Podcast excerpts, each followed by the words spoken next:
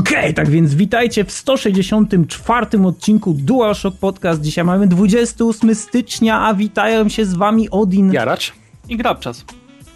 Nie ma z nami cialnego, cialny z nami był, jednak e, to nagranie wyszło naprawdę bardzo, no śmiesznie, co też będziecie w stanie usłyszeć pod sam koniec we wtopach. A zaczynamy paczką newsów. Dzisiejsze tematy to jest wielka, no może nie wielka, ale na pewno dość spora paczka newsów.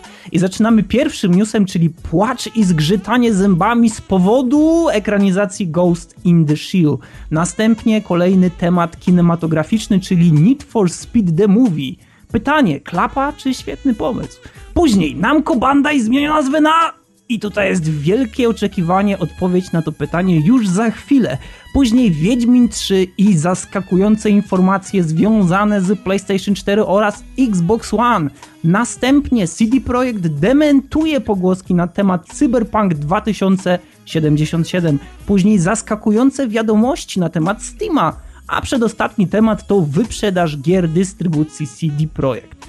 A tematem głównym dzisiejszego podcastu jest wielkie pytanie – czy ktoś z Was pamięta sequele, które naprawdę przysłaniają oryginał? Zapraszamy.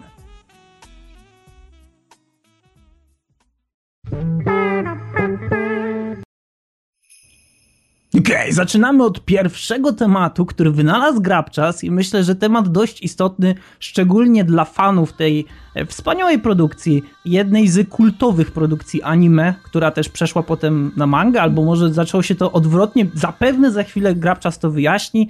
Niemniej chodzi tutaj o Ghost in the Shell, czyli produkcja no, niebagatelna, myślę, dla bardzo wielu osób, która zdefiniowała gatunek fantazy, czy też e, cyberpunk, czy też ciężko nawet określić e, konkretnie, e, czego tyczył się Ghost in the Shell. Natomiast był naprawdę świetnym filmem, który doczekał się swojej kontynuacji, który był jeszcze bardziej zagadkowy, przez wielu oceniony jako trochę gorszy, przez wielu oceniony jako o wiele bardziej enigmatyczny. Natomiast pomijając już historię anime oraz mangi, ostatnio w sieci pojawiła się dość e, dziwna i zaskakująca informacja, którą mam nadzieję właśnie teraz przybliży nam Grabczas. Tak więc Ghost in the Shell e, ma powstać jako film w 3D z żywymi aktorami i po angielsku. Super. I ma być stworzony przez DreamWorks i ja w tym momencie po prostu gorzko załkałem, głową w stół przypierniczyłem. No ale dobra, grzebie dalej. I w tym momencie dobił mnie fakt, że reżyserem ma być niejaki Rupert Sanders, którego możemy kojarzyć między innymi z, film, z wyreżyserowania filmu Królewna Śnieżka i Łowca. Ktoś słyszał? E, Słyszałem, oglądałem. Było... Czy... O, o czy, to nie było, czy to nie było przypadkiem z tą, um, jak ona miała? Nie wiem, z ona była się ze Zmierzchu, która tak, ma właśnie, problem z domykaniem ust. A, tak, spoko, tak. ja kojarzę tu głównie Stora. Koleś ma na swoim koncie poza tym jeszcze trzy filmy. Po prostu zajebiście. Scenariusz do tego filmu pisze niejaki William Wheeler, znany z filmu Blef z Richardem Girem i ostatni film uznany za fundamentalistę Mireneir. Słyszeliście? Nie. Nie? No i to by było na ten temat. Sprawdziłem potem, że koleś też ma całe cztery filmy na swoim koncie. Ludzie. Co? Ale, ale w czym problem? I don't get it. Ja też. Ja szczerze powiedziawszy jestem przerażony, biorąc pod uwagę, że mamy tutaj do czynienia z, z produkcją kultową, którą pamiętam kiedy oglądałem jeszcze naprawdę dawno, dawno temu. E, to byłem pod ogromnym wrażeniem tego, jak, jak, jak bardzo poważne jest to anime, bo w tamtych czasach, kiedy ja jeszcze miałem powiedzmy jakieś 16-15 lat, e, to nie miałem kontaktu jeszcze z takimi właśnie produkcjami, które byłyby na tyle dorosłe, na ile właśnie był Ghost in the Shell. I na samym początku wydawało mi się, że będzie to jedno z tych anime, które się po prostu ogląda i zapomina. E, I nawet o takich dobrych anime, które miałem okazję w życiu widzieć, jak na przykład Ergoploxy albo inne tego typu, mogę powiedzieć, że w pewnym stopniu trochę je zapomniałem. Natomiast e, jeśli chodzi o Ghost in the Shell, to ciężko jest, ciężko jest powiedzieć, że, że mogłem w ogóle to, to, to anime zapomnieć, bo ono jest po prostu zbyt dobre. Ono ma naprawdę niebywały klimat, całkowicie unikalny setting bohaterkę, którą można nie lubić, bądź też lubić. Jest w tym, w tym anime jest tyle ciekawych rzeczy i tak fajnie skonstruowany świat. Pojedynki są tak realistyczne, że naprawdę boję się trochę po tym, co tutaj właśnie znalazłeś Grabczas, bo to może nam naprawdę trochę popsuć wizerunek Ghost in the Shell, albo nawet jak to się mówi po angielsku, it didn't do the justice, czyli nie wywiązaliśmy się odpowiednio z tego, e, co powinniśmy stworzyć, a powinniśmy stworzyć naprawdę bardzo dobry film, który ostatecznie zapewne będzie wielką klapą. Ale wiesz co, dla wielu osób Ghost in the Shell e, wybiło się tym, że było w dużej mierze inspiracją braci Wachowskich. Ja tak naprawdę obawiam się, że mogło zrobić z tego pseudo-Matrixa ewentualnie pod względem samych walk i tak dalej, tak do przesady, nie? Nie wiem, będziemy mieli równie głupią chryję jak problemy tyczące się cutscenek w Metal Gear Solid The Twin Snakes. Po prostu poziom przekombinowania wywali mury, rozbije sufit. Ale to już chyba kiedyś nawet pokazali nam Amerykanie, jak, jak, jak koncertowo potrafią coś spieprzyć, e, prezentując nam wersję Dragon Balla, która. Jeszcze o tym pomyślałem o tym samym. Strasznie.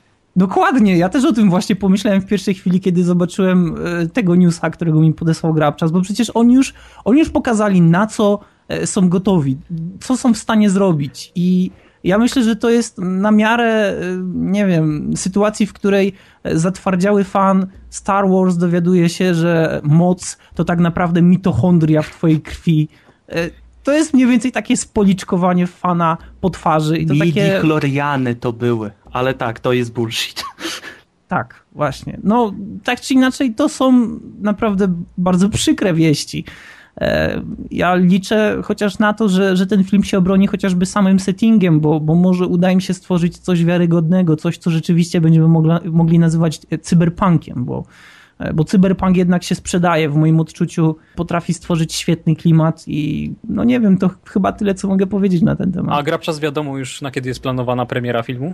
E, wiesz co, nic konkretniej tak naprawdę. Mamy tylko ten ściepek informacji, ale mimo wszystko po prostu, wiesz, stwierdziłem, że dobrym pomysłem będzie wcześniejsze ostrzeżenie. Nie oczekujmy zbyt wiele. Nie oczekujmy nic.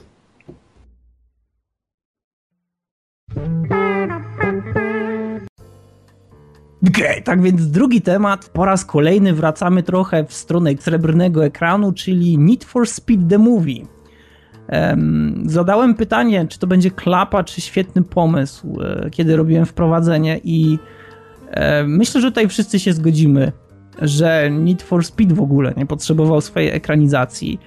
I ciężko mówić tutaj o czymkolwiek, co kiedykolwiek posiadało fabułę, chociaż może znajdowały się tam gdzieś jakieś strzępki w takich e, częściach jak Most Wanted albo The Run, ale mimo wszystko, e, jeśli zapytałbym ciebie Jaracz albo ciebie Grabczas, e, co potraficie skojarzyć z Need for Speed, to prawdopodobnie powiedzielibyście, że no się ściga i się skręca i się jeździ.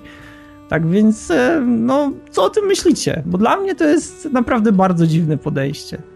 Wiesz co, mam nadzieję, że może to jednak będzie bardziej film o wyścigach niż jednak kalka jednego z ostatnich Szybcy się wściekli, które już z wyścigami mają tyle wspólnego co nic. I że jednak będzie jakkolwiek ruszony ten street racing, nieważne jak głupio, ale żeby dało się to obejrzeć przypadkiem na TVN-ie. Ja wiesz co, ja myślę, że jeśli właśnie chodzi o takie ujęcie, E, tego, jak powinien wyglądać Need for Speed, jeśli e, pomyślimy sobie tutaj o ekranizacji, to myślę, że po pierwsze tak, twórcy zrobili coś bardzo rozsądnego, czyli trzymają się pomysłu, który wytyczył pewien film, można powiedzieć, nie wiem, czy akcji, ja nie wiem nawet jak zakwalifikować Ocean's 12 albo Ocean's 11 albo Ocean's 13, ale e, to jest film, który naprawdę bardzo dobrze się ogląda. E, I nie musi mieć jakiejś wybitnej fabuły, chodzi o, głównie o grę postaci, czyli e, nie mamy wystarczającej liczby pieniędzy, potrzebujemy pieniądze, musimy kogoś okraść, e, czemu nie wybierzemy sobie kasyna, kasyna, które jest zdecydowanie jednym z lepiej zabezpieczonych na rynku, natomiast posiada mnóstwo pieniędzy w środku i potrzebujemy do tego zorganizowanej ekipy. To jest fajny pomysł, dlatego że można w ten sposób przedstawić każdego z głównych bohaterów, czy można powiedzieć pobocznych bohaterów, ale tych, którzy występują niemalże e, tak samo często e, na ekranie jak główny bohater. Można ich przedstawić w miarę dobrze i dzięki temu film nabiera swojego charakteru. E, co Oceans udało się zrobić i myślę, że chyba każdy, kto oglądał, mógł w jakiś sposób docenić ten film. Więc z jednej strony doceniam ich, ich pomysł, czy też wykorzystanie pewnej sprawdzonej metody na, na tworzenie filmu, dlatego że jeśli przyjrzymy się na trailer, to mniej więcej tak będzie wyglądał cały film. Musimy kogoś okraść i potrzebujemy do tego odpowiedniej grupy ludzi. I oczywiście chodzi o to, żeby zebrać tą grupę ludzi i potem tam policzkować się, potem się pogodzić ze sobą i tak dalej. Jak powiedział Grabczas, po trailerze można streścić niemal cały scenariusz. Natomiast z drugiej strony, e, czy nie czujemy się trochę zawstydzeni faktem, że wychodzą w ogóle takie filmy, że, że dzisiaj tak niewiele powstaje filmów, które mają swój własny scenariusz, które są pierwsze w swojej, w swojej rodzinie, które wychodzą z czymś nowym, z jakimś nowym pomysłem, a nie są wierutną kalką czegoś. Wiesz co, nie wiem dlaczego to my mielibyśmy się wstydzić, nie jesteśmy żadnej maści twórcami filmowymi, no ale skoro twórcy się nie wstydzą i dalej puszczają takie kalki i dalej zbijają na tym hajs, który się najwyraźniej zgadza, odpowiedź chyba mówi sama za siebie. No bo taka jest prawda, ale co do jeszcze samej fabuły Need for Speeda, wiesz co, dla mnie to mimo wszystko bardziej wyglądało na ścigamy się, o nie, zabiłeś mi kumpla, idę za to do pierdla, wyjdę, zemszczę się, potrzebuję hajsu na auto, o Boże, mam laskę, a zemszczę się, kocham cię, zemszczę się, end. tak mniej więcej fabularnie wygląda ten film. Czy wiesz, no dobra, reżyser odpowiedzialny za Need for Speed chyba nie ma za bardzo się czego wstydzić, bo do tej pory e, w swojej karierze reżyserował trzy filmy, z czego... znaczy, tak, w swojej bibliotece e, reżyserowania ma trzy filmy, z czego dwa jeszcze nie wyszły. Czyli o. na dobrą sprawę ma jeden, a przez, z tego co widzę, przez 10 lat e, był aktorem w jakichś takich podrzędnych filmach. Ej, wiesz co? Kilku, Patrz... więc nie świadczy to o nim najlepiej. Wiesz co, patrząc I... przez... A, mów, mów, sorry. Także myślę, że łapie się marki po to, żeby, żeby wywindować w jakiś trochę desperacki sposób swoje nazwisko. Ale wiesz co, właśnie teraz tak pomyślałem, że patrząc przez wzgląd na to, że osoba reżyserująca Gitsa, o którym mówiliśmy wcześniej, ma na koncie tyle co nic, osoba zajmująca się Need for Speedem ma na koncie tyle co nic, wietrzy podstęp taki, że jeżeli wyjdzie dnem, mówił, że miał tyle co nic, gówno się zna. Jeżeli wyjdzie dobrze, patrzcie, geniusz! Może być, może właśnie o to chodzi teraz. To jest zresztą taki syndrom jak e, tworzenie gier e, i wypuszczanie trailerów z dopiskiem, że to jest beta i wszystko może się zmienić. Dlatego, że e, wtedy cokolwiek mógłbyś tej grze zarzucić, to zawsze można powiedzieć, no ale, ale to jest, to jest ledwo w powilakach, to jest tylko 5% prawdziwej gry, to wszystko w ogóle jeszcze jest za żelazną kurtyną, tego jeszcze nie widać. Więc może może taki reżyser zawsze, zawsze może się jakoś zasłonić tym, że to jest jego pierwsza produkcja, e, ale z drugiej strony też e, ja myślę, że powinniśmy pamiętać o tym, na jaki rynek jest skierowany taki, taki film. No, myślę, że raczej nie za bardzo na rynek europejski. Myślę, że na rynek amerykański, gdzie kultura posiadania e, szybkiego samochodu jest czymś wyjątkowo istotnym, gdzie nastolatki w wieku 16 lat już prowadzą i to nawet nie takie złe samochody. Nie tak jak w Polsce, że kupujemy używany od Niemca, który jeździł tylko do kościoła w niedzielę i płakał jak sprzedawał. Od kobiety? E, więc, no więc ja, ja myślę, że to jest z jednej strony e, dobry pomysł na stworzenie filmu, który po prostu e, ma zrobić tak zwany cash in, czyli po prostu zarobić na siebie. Wiesz, nie jestem tego do końca pewien, bo w Ameryce powszechnie się widuje na ulicach luksusowe auta, gdzie w Europie a u nas to szczególnie no, nie ma się z tym na co dzień do czynienia, dlatego może... No właśnie dlatego mówię, że, że, że w Ameryce myślę, że to jest film bardziej skierowany na rynek amerykański właśnie, że Ale wiesz, to może, osób... może w drugą stronę iść, to, to ludzie w Europie czy w Polsce mogą być, wiesz, zachęceni do tego, żeby poglądać te luksusowe auta chociaż na ekranie kina bo Amerykanie są już do nich no, przyzwyczajeni poniekąd. No ale myślisz, że chciałbyś płacić 20 zł w multikinie za, za 90 minut seansu filmowego bez fabuły, a z szybkimi samochodami? A za co innego byś chciał płacić w tym filmie? Znaczy, ja w ogóle nie chciałbym za niego Nic płacić. innego sobą nie oferuje, to znaczy Mówię tak, jakbym go skazał już na niepowodzenie, no ale umówmy się. Ale, ale masz do tego prawo, to jest DualShock Podcast, tutaj możemy robić ale takie rzeczy. są niewielkie szanse, żeby zrobił furorę, choć nie powiem, Ecto Valor, film poprzedni tego reżysera, nie był najgorszy. Wiesz co, Pulicera czy coś to na pewno nie dostanie. No może złotą malinę. Złotego ogórka. Złotego kutasa. Karnego, to na pewno.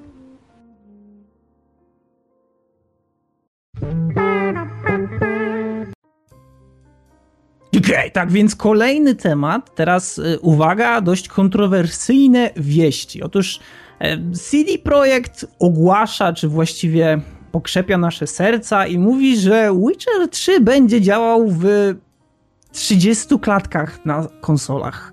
I to właściwie y, tyle, chociaż mamy się nie martwić, bo będzie to solidne 30 klatek. Natomiast przedstawiciele CD Projekt Red E, nie chcieli się jednak wypowiadać na temat tego, w jakiej dokładnie rozdzielczości będzie działał Wiedźmin 3 na konsolach mm, i też jak często trzeba będzie tą grę doładowywać. Jednakże w trakcie wywiadu dla włoskiego miesięcznika e, padło zdanie, iż e, Wiedźmin 3 zbliża się już niebezpiecznie do technicznych limitacji konsol nowych generacji oraz e, no, że musiały jednak być zastosowane pewne ograniczenia i limitacje, e, których CD Projekt Red się nie spodziewał. Tak więc e, szczerze powiedziawszy byłem mocno zaskoczony, dlatego że rzadko się zdarza, żeby na konsolach, które mają być może i miesiąc, pojawiały się już e, pogłoski czy jakieś wspominki o tym, że za jakiś czas zostanie wydana gra, która prawie już zbliża się do technicznych limitacji, do technicznych możliwości tej konsoli. E, I ciężko jest nawet jeszcze mówić o tym, w jakiej rozdzielczości będzie ona działała, mimo że wszyscy liczą na to, że będzie to Full HD. I teraz nagle jeszcze na dokładkę dostajemy informację, że to nie będzie 60 klatek, tylko 30 klatek, o czym zresztą rozmawialiśmy w poprzednim e, podcaście i gdzie też burza komentarzy się wzniosła, czy potrzebujemy 30 klatek w takich grach, czy w innych grach, a czy 60 klatek jest niezbędne na przykład w takim Tomb Raiderze. E, ja szczerze powiedziawszy teraz już zaczynam powątpiewać powoli, czy... bo nie wiem, w przypadku Tomb Raidera jestem w stanie przełknąć te 30 klatek, bo tam też walka nie jest najistotniejsza, natomiast w Wiedźminie te 30 klatek pewnych momentach chyba będzie widać. Wiesz co, Uncharted 2 i 3 też miały nie wyglądać ładnie od Uncharted'a i Naughty Dog rzekomo już wtedy osiągnęło limity PS3. Tak więc tak, słuchajmy tego i nie wmawiajmy sobie, że wcale znowu deweloperzy nam się nie przyznali. Bo wiecie, tak naprawdę to my gówno umiemy i znowu nie umiemy programować na konsolę. Bo tak to dla mnie wygląda od bagatela dwóch cholernych generacji wstecz. Bo PS2 pokazało, że można było cisnąć, cisnąć. PS3 twier... no, przy PS3 twierdzenia było, że o nie można, o nie można, każdy Uncharted wyglądał lepiej. Niespodzianka, no popatrzcie, da się, da się. Battlefield 4 jednak wyglądał lepiej od trójki, wyglądał. Ale i tak będzie zawsze takie pieprzenie tak naprawdę kocapałów, obo limity, bo coś tam, bo coś tam. Ładniej to po prostu marketingowo i PR-owo brzmi. Wiesz, Odin, jak mówiłeś o tych 30 e, klatkach, to mi się pojawiło przed oczami takie hasło marketingowe, jak to się mówi, że nasze 30 klatek jest lepsze od ich 30 klatek. nasze wiesz, klatki są jest... solidne. Ale wiesz co jest, e, ja myślę, że to jest e, może trochę prozaiczne, ale to jest temat do głębszej dyskusji właśnie na temat oczekiwań i na temat tego, co rzeczywiście możemy w tym momencie osiągnąć w porównaniu do rynku pecetowego nie wydaje mi się, żeby te 30 klatek to było coś, e, co tak naprawdę stanowi maksimum możliwości dla konsol nowych generacji. No naprawdę jestem niemalże w 100% pewny, że, e, że to jest e, może jakieś ograniczenie programowe, może po prostu silnik nie jest przystosowany do, do pewnych rzeczy na konsolach, natomiast ciężko jest mi uwierzyć, szczerze powiedziawszy nie chciałbym wierzyć, czy spotkać się z taką informacją twarzą w twarz, że jednak e, fakt faktem konsola nie radzi sobie już. Mimo, że ma tylko miesiąc, to już sobie nie radzi.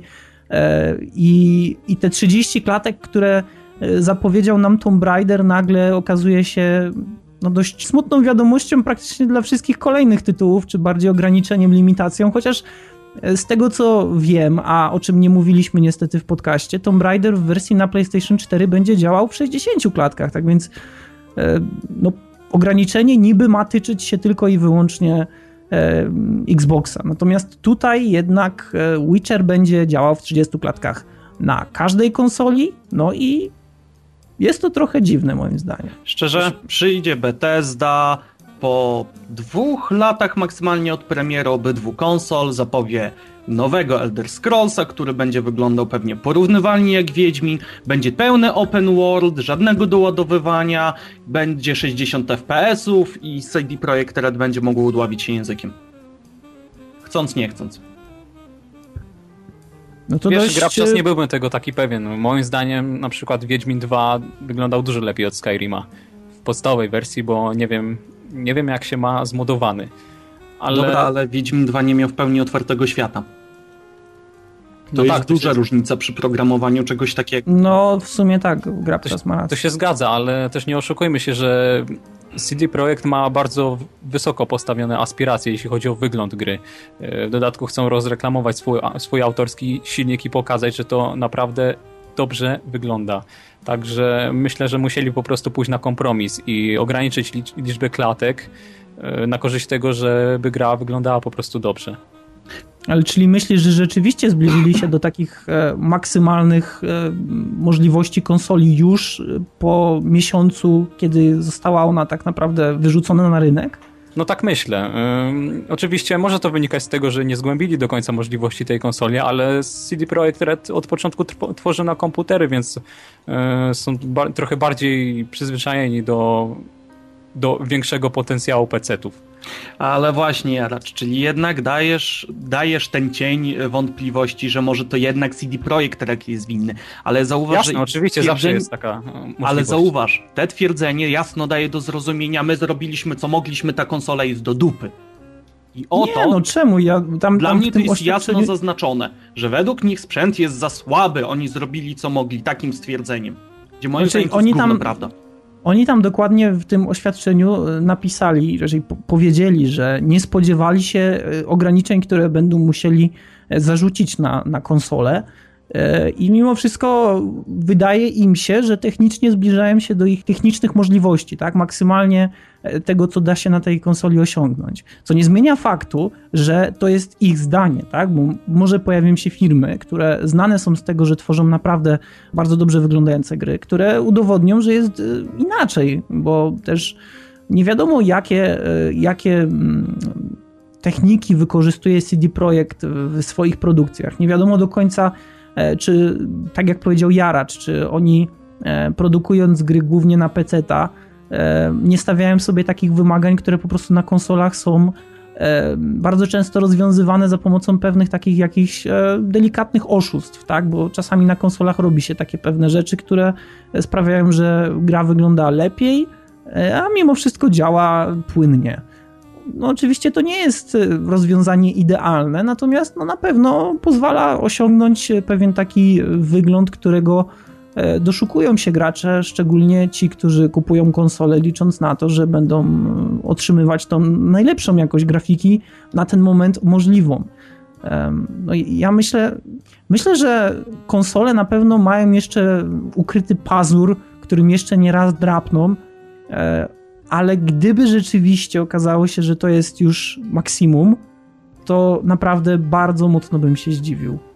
Wszystko będę powtarzał to, co powtarzałam od przynajmniej pięciu lat. Nauczcie się optymalizować lepiej. To do kogo jest ten apel? Do deweloperów, rzecz jasna. Do słuchaczy. tak, tak, słuchacze! Optymalizujcie lepiej gry, żeby deweloperzy nie mogli być opieprzani za to, że wam się źle gra. Tak, zgadzam się. Chociaż Słuchacze, śmiechem, rewolucję robimy.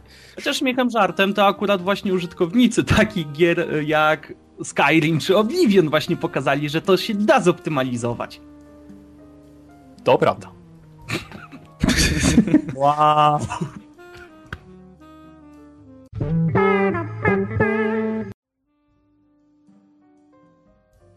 Okej, okay, tak więc lekko przeoczony temat, jednakowoż niezapomniany. Namco Bandai zmienia nazwę na... To jest dobre pytanie na jaką nazwę, czy w ogóle jak i dlaczego zmienia nazwę Namco Bandai, opowie nam Grabczas. Natomiast e, musimy podziękować tutaj Jaraczowi za znalezienie tego newsa w sieci, bo myślę, że to całkiem istotne, e, wyjątkowo śmieszne i też rozluźniające, żeby raz na jakiś czas odskoczyć trochę od takich bardziej poważnych tematów, a być może znajdzie się jakiś słuchacz, który grał wie kiedyś w jakieś produkcje Namco lub też Bandai lub też Bandai Namco lub też zbierał jakieś figurki, tak więc dziękujemy, Jaracz. Proszę bardzo, ja myślę, że to cał całkowicie zmieni życie, dotychczasowe życie słuchaczy. Tak, ja też to tak myślę. Porażające. Powiedz nam, e, co się dzieje i dlaczego już 1 kwietnia nasza ulubiona firma będzie nazywać się inaczej. Dlaczego możemy tak naprawdę snuć domysły, ponieważ... Ale też jak? Też jak? Ale... Ja też Zaraz do tego dojdę, ponieważ znalazłem mnóstwo nie, nie, bezsensownych informacji w internecie po wieści od Jaracza, ale najważniejsze, jaka będzie nowa nazwa? Otóż Namco Bandai zmienia nazwę na Bandai Namco. Teraz, tak, o, dobrze tak. słyszycie. I don't get it, naprawdę. W większości wypadków znalazłem e, wytłumaczenie potwierdzające się co ileś czasu, że tak powiem, że chodzi o ujednolicenie marki, żeby była łatwiej rozpoznawalna, ponieważ fakt faktem, na grach, e, przynajmniej jak się przyjrzycie, mm, naj, najłatwiej sięgając po jakiegoś Dragon Balla ostatniego, który wyszedł na PS3 czy PS2, bądź grę z serii Naruto, bądź Bleach, bądź One Piece, Wszędzie macie na europejskich i amerykańskich wydaniach logówkę z czerwonym napisem Bandai, gdzie faktycznie e, to już wyszło spod ręki Namco Bandai i taką też logówkę miało, e, miały te gry tylko i wyłącznie w Japonii. I rzekomo, żeby nie robić y, większego bałaganu, stwierdzili, że no, zmienią tą nazwę, nowa logówka, ujednolicenie, takie tam. Tylko właśnie Odin, ty się zacząłeś dokopywać do struktur tejże firmy Oj tak. Jesteś w stanie nam przybliżyć, jak bardzo faktycznie poharatane jest nazewnictwo poszczególnych, nie wiem, części tego konglomeratu, tej megakorpy. Mamy Namco Bandai, które przynależy do Namco Bandai Games, które jest e, całkowitą własnością przedsiębiorstwa Namco Bandai Holdings, e, gdzie Namco Bandai Holdings posiada swoje akcje których w większości właścicielem jest Namco Bandai Group's Game Content Strategic Business Units. Czyli prawie tak jak jakaś grupa SWAT, y, ludzi uzbrojonych w kamizelki kuloodporne oraz MP5 z tłumikiem, która wyjeżdża w stalowym, czy też przeciwpancernym, czy po prostu kuloodpornym jakimś wanie podjeżdża pod blok, wyskakują z niej ludzie ubrani jakieś, jakieś na czarno i z noktowizorami i mają właśnie taką wszywkę. Namco Bandai Groups Game Content Strategic Unit, Boże, Business Unit. Lali lulelo. Mój Boże, naprawdę, ale to jest jeszcze nic, dlatego że w internecie również pojawiają się takie, mm, takie informacje jak, że Namco Bandai również dzieli się na odpowiednie grupy, które przynależą do konkretnych regionów, tak więc mamy Namco Network America, Namco Bandai Network e, Europe, e, mamy też Namco Bandai Games, e, po co nie mam najmniejszego pojęcia, natomiast rzeczywiście jeśli tutaj zaczniemy opisywać to, jak wygląda Namco Bandai, to myślę, że zmiana nazwy jest zdecydowanie dobrym pomysłem, biorąc pod uwagę ilość tych wszystkich oddziałów i tych wszystkich dziwnych nazw, które nie wiem, kto wymyślał i kto je zatwierdzał, ale chyba nie był E, nie był trzeźwy. No tak, no w związku z postępującą globalizacją to taka zmiana była nieunikniona w pewnym momencie. A dlaczego akurat zdecydowali się na nazwę w tę stronę? Dlaczego Bandai Namco? E, to chyba wynika z tego, że pod tą nazwą działa pod tą nazwą działalność firmy była znana na ich macierzystym rynku, czyli w Japonii. Także postanowili się tego trzymać. My, Europejczycy, chyba nawet nie, nie bierzemy tego aż tak bardzo poważnie i nas to aż tak bardzo nie boli. Nie wiem, przynajmniej mnie nie boli. Bo też znam ko, chyba nie mam tak dużo do czynienia. Mnie coś zaczęło w boku kłuć, więc mnie chyba boli. No, mnie, mnie krzesło uwiera. Czyli jednak kogoś boli, widzisz.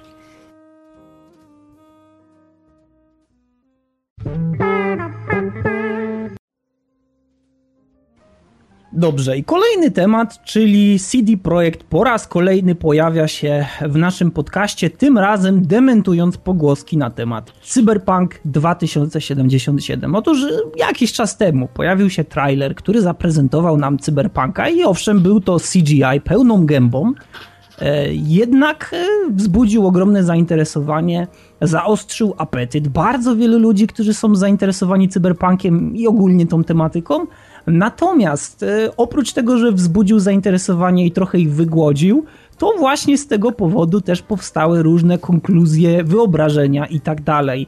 E, I w sieci przez jakiś czas cyrkulował pomysł, iż Cyberpunk 2077 będzie FPS-em, będzie strzelanką, będzie multiplayerem, będzie czymś związanym właśnie z różnymi grami tego typu. E, CD Projekt, słysząc e, właśnie takie informacje, wyszedł w białej zbroi z lśniącą tarczą oraz ostrym mieczem i uciął pępowinę hydrze, hech, bo dał e, wszystkim do zrozumienia, że Cyberpunk ma być rdzennym, prawdziwym RTS-em, pfu, znaczy RPG. Tak więc e, teraz już wszyscy możemy spać spokojnie, myślę, mam nadzieję. Natomiast powstało kolejne pytanie. Jakim RPG-iem będzie Cyberpunk, dlatego że cy Cyberpunk może być e, tak naprawdę rdzennym RPG-iem lub też RPG-iem trochę nowszym, takim, który jednak wyewoluował z powodów oczekiwań klienteli właśnie, która nie akceptuje już tego rzutu izometrycznego. I teraz mam nadzieję, że będziemy w stanie sobie jakoś na ten temat pogadać, e, bo myślę, że jest o czym rozmawiać. Wiesz, jak tak mówił prawdziwym RPG-iem, kto wie, może po prostu dostaniemy podręcznik, kartki, ko kości i ołówki. Tak. Chociaż nie powiem, nie obraziłbym się, jakby przy okazji wyszła reedycja, ale to już mniejsza o to. E, czy, czy będzie takim typowym RPG-iem znanym nam jak Baldur's Gate Neverwinter, czy będzie czymś bardziej takim nowoczesnym jak, nie wiem, Deus Ex, czy Wiedźmin, który był trzecioosobowy? Hmm. Jak swego czasu coś coś na ten temat dyskutowaliśmy wcześniej, e, tutaj Jaracz zaproponował, że Wiedźminowo może być tak trzecioosobowy. Ja się w sumie z tym zgadzam, Jaracz. Może przybliż swoją ideę.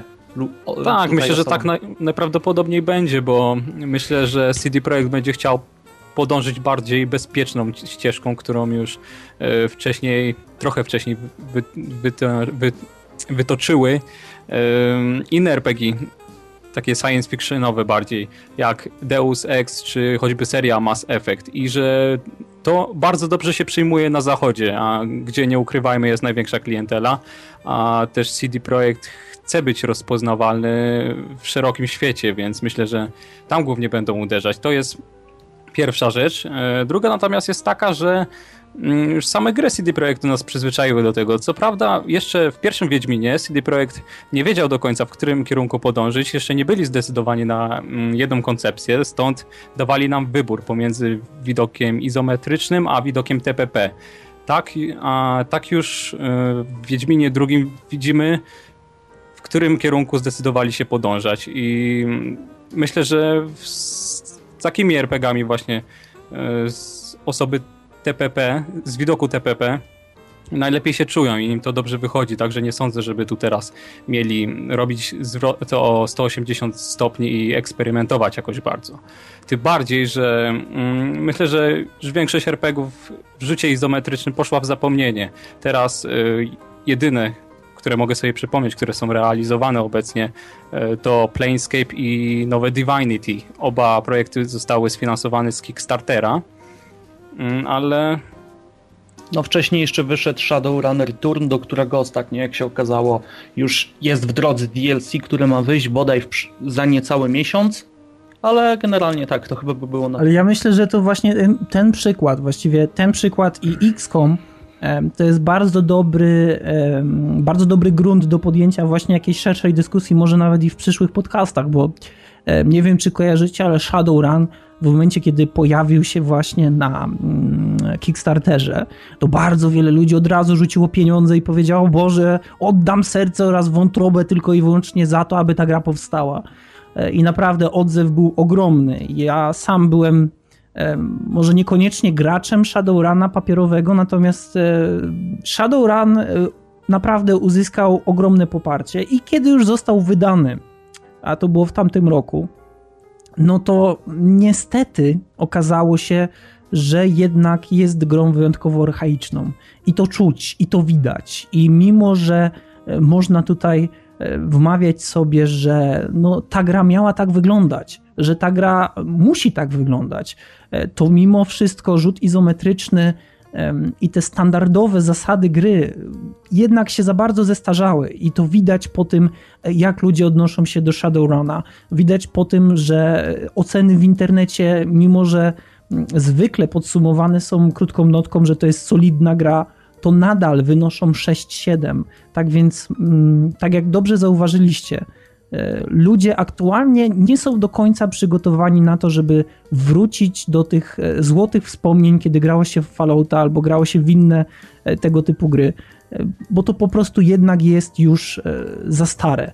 Natomiast druga sprawa to XCOM, o którym ja mówiłem w poprzednim nagraniu, które zresztą nie wyszło, że XCOM przecież przeszedł ogromne zmiany, e, aby stać się grą, która przypadnie do gustu bardzo wielu osobom i e, dzięki tym patchom, które pojawiły się na przestrzeni tam całej, całego jego życia Steamowego, to teraz jest grą, w którą całkiem przyjemnie można sobie pograć, dlatego że kosmici już nie strzelają przez ścianę i tak dalej. Ale jeśli spojrzymy na X-Koma, jak wyglądał kiedyś, a jak wygląda teraz właśnie w Enemy Unknown lub też Enemy Within, e, tym samodzielnym dodatku, który chyba został wydany, czy jest samodzielny, On czy nie jest samodzielny. Nie, to już nieważne. O, nie jest samodzielny. No tak czy inaczej, e, tu widać, że gra wyewoluowała, stała się inna, bardziej przystępna, ale nadal trzyma się tych zasad, e, które kiedyś były właśnie podstawą rozgrywki, ale mimo wszystko przedstawia je w taki zurbanizowany, ciekawszy, bardziej dostępny, bardziej taki bezpośredni i niemalże uderzający w gracza sposób. Także tak naprawdę nie ma co zgadywać, bo wszystko jest e, proste, jasne i do wszystkiego jest tak naprawdę dostęp. E, wszystko się klika dość szybko. Natomiast w tych starszych grach no żeby chociażby prowadzić zasadzkę, to przecież nie było tak, że przyklejaliśmy się naszym żołnierzem do ściany i on już w tym momencie y, zyskiwał na przykład jakąś, jakiś bonus do, do osłon czy coś takiego. W Falloutach trzeba było zająć miejsce za ścianą, kucnąć, włączyć skradanie czy coś takiego, e, skierować swojego żołnierza w odpowiednim kierunku. Teraz już większość rzeczy robi za nas komputer. To oczywiście są usprawnienia, które w jakiś tam sposób e, likwidują trochę przyjemność z gry, ale nadal e, nadal te gry potrafią jednak być e, całkiem fajne i myślę, że, że to dobrze. No ja się zgodzę z tobą, Odin, że kurczowe trzymanie się starej mechaniki, która funkcjonowała dobrze 15 lat temu, nie wychodzi nowym tytułom na zdrowie. Tu mi się przypomniał przykład dotyczący Might and Magic 10 nowego, które niedawno wyszło, yy, które mnie kompletnie do siebie nie przekonuje. To strasznie archaicznie i strasznie dziwnie wygląda w nowej grze, która ma bardzo dobrą, znaczy nie przesadzajmy, ale dobrą grafikę, yy, w której możesz postaciami się poruszać tylko w czterech kierunkach. To wygląda dziwnie i myślę, myślę, że nie powinno się używać takich rozwiązać, rozwiązań w najnowszych tytułach. A jeszcze już wracając do samego y, Cyberpunka i tego, że ma być takim prawdziwym RPG, ja jeszcze po cichu liczę, że mimo wszystko CD Projekt dwa razy się zastanowi nad opcją możliwości przegadania całej gry, jak y, to było w Falloutie pierwszym i drugim. Ewentualnie przegadania z domieszką hakowania czy coś, ale żeby dało się faktycznie przejść grę postacią, która z bronią jakąkolwiek nie ma tak naprawdę żadnego obycia, i nie musi Ale tutaj mieć. stop węgorz, dlatego że, dlatego, że mm, jeśli poczytasz dokładnie, jak już teraz wygląda zarys fabularny, to nasza postać jednak ma niestety z bronią dość dużo wspólnego. E, I myślę, że może pojawi się opcja przegadania niektórych walk ale z racji tego, y, skąd wywodzi się nasza postać i jaką wcześniej rolę pełniła. Jaką ma profesję przede wszystkim. Tak, to myślę, że mimo wszystko jednak czasami będziemy się musieli angażować w te walki i tutaj nie chcę oczywiście psuć zabawy ludziom, którzy chcą się tego dowiedzieć na własną rękę, tak więc nic nie będę mówił, ale e, no, myślę, Grabczas, że tutaj jeśli będziesz e, bardzo mocno nastawiony właśnie na to, co powiedziałeś, to możesz się odrobinkę rozczarować. Odrobinkę rozczarować. Że wiesz, ja nie jestem wielkim zwolennikiem tego, ale po prostu sam fakt, żeby był na pewno, wydaje mi się, że uszczęśliwiłby wiele osób. To takie, takie oczko w stronę Bizona, bo wiem, że on pewnie by chciał. E, tak czy siak, e, w ogóle przegapiłem fakt, że mamy już jakikolwiek zarys fabularny.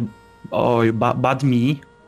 Ale jeszcze co do samej walki, ciekawi mnie, czy może wpadną na pomysł, żeby jeżeli będzie tam strzelanie jakoś bardziej yy, ważne czy coś, czy wpadną na pomysł znowu wrócić do tego, żeby to jednak było bardziej zależne od statystyk, a nie od tego, jak dobrze machamy kursorem. To mnie bardzo no. mocno ciekawi. To, to w sumie byłoby rozwiązanie typowo X-komowe teraz, z tego nowszego X-koma. No ale wiesz, jakby... co, myślę też, co myślę też, że jest chyba nawet wygodniejsze dla twórcy, dlatego że nie musi e, programować animacji, tylko samo strzelanie w tym momencie mm, właśnie opiera się na statystykach, czyli nie musimy nawet widzieć E, toru lotu pocisku, bo po co?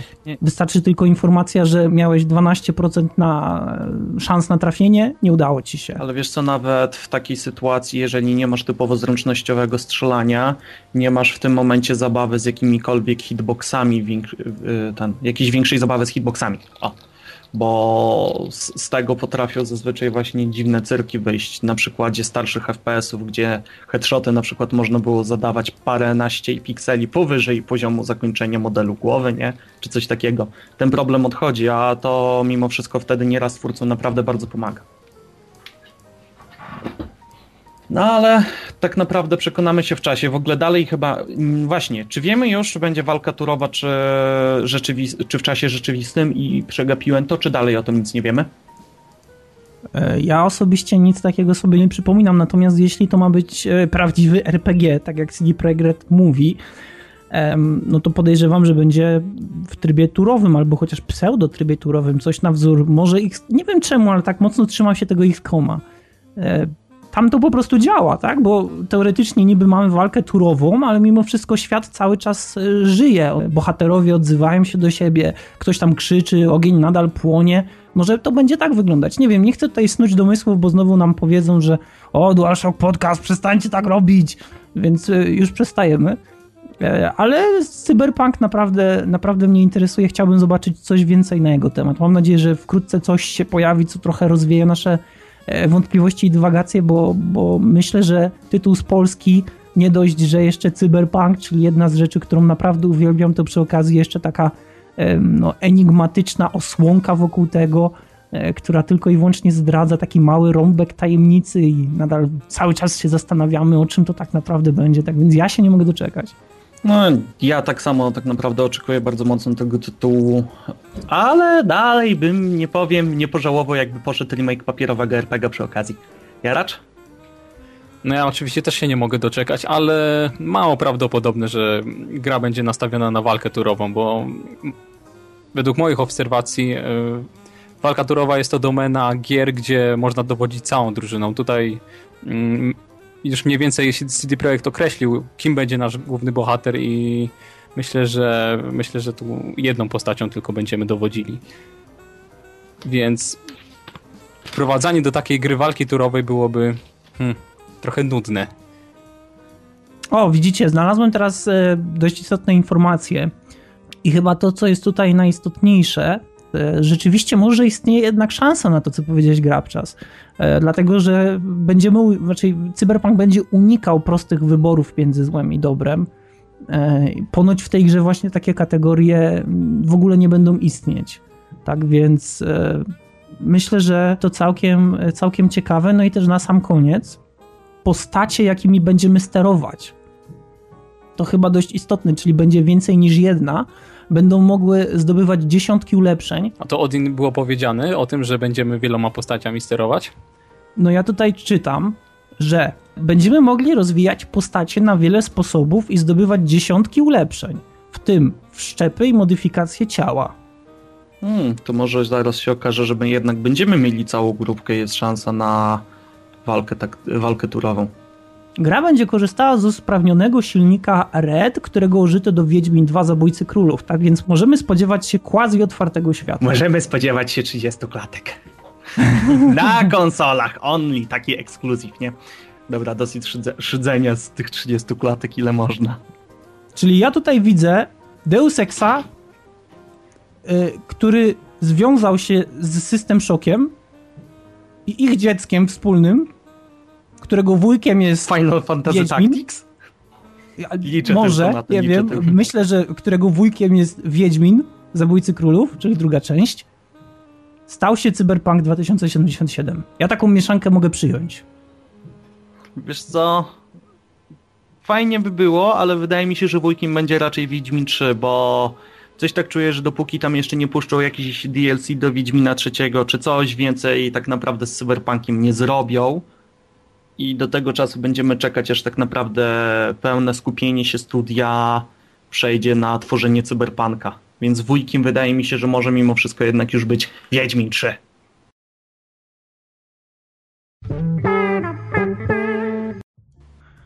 okay, tak więc kolejny temat i wielka zagadka. Grabczas e, przed podcastem, czy właściwie przed nagraniem powiedział Odinkę znowu ma coś o Steamie, czego nie wiemy. Otóż zgadza się Grabczas. Na tegorocznym Steam Dev Days, to jest um, takie zebranie dla wszystkich deweloperów, którzy tworzą swoje gry właśnie na platformie Steam, Gabe Newell poinformował e, wszystkich właśnie tam zebranych, że celem Valve jest pozbycie się Steam Greenlight jeśli nie wiecie, czym jest Steam Greenlight, jest to, można powiedzieć w cudzysłowie, platforma dla twórców niezależnych najczęściej e, do wypromowania swojej gry, do umieszczenia jej na Steamie, e, gdzie w innym wypadku nie byliby w stanie tego normalnie zrobić. Polega to mniej więcej na tym, że im więcej głosów zdobywa jakaś gra, tym większa jest szansa na to, że zostanie wypromowana i trafi normalnie do sklepu. Teraz, dlaczego tak się dzieje? Otóż e, Newell powiedział, że liczył na to, że Greenlight pozwoli deweloperom na większą kontrolę nad rozwojem swoich gier, a nie na walkę o wsparcie i promowanie swoich produktów, bo tak właśnie wygląda Steam Greenlight. No i pff, można powiedzieć, że chyba ma rację. E, wiesz co, od początku dla mnie Greenlight był właśnie tym, czym Gabe Newell najwyraźniej nie chciał, żeby było, ale to od początku dla mnie wyglądało jako właśnie ten program dla tych mniejszych twórców o walkę, o poparcie, nic ponadto. Więc jestem zadziwiony po prostu takim statementem z jego strony, bo to jest takie troszeczkę powiedziałbym naiwne. Wiesz co, to nie jest do końca naiwne, dlatego że biorąc pod uwagę takie produkcje jak na przykład Project Zomboid, który dostał się na Steama właśnie za pomocą Steam Greenlight i, jest nadal rozwijany właśnie e, dzięki tej platformie. E, twórca zadaje pytanie, co chcecie zobaczyć w następnym patchu, co chcecie zobaczyć w następnej beta wersji. Ludzie odpowiadają właśnie za pośrednictwem Greenlightu, za pośrednictwem forum Steamowego i tak dalej, i ten projekt zaczyna się rozwijać.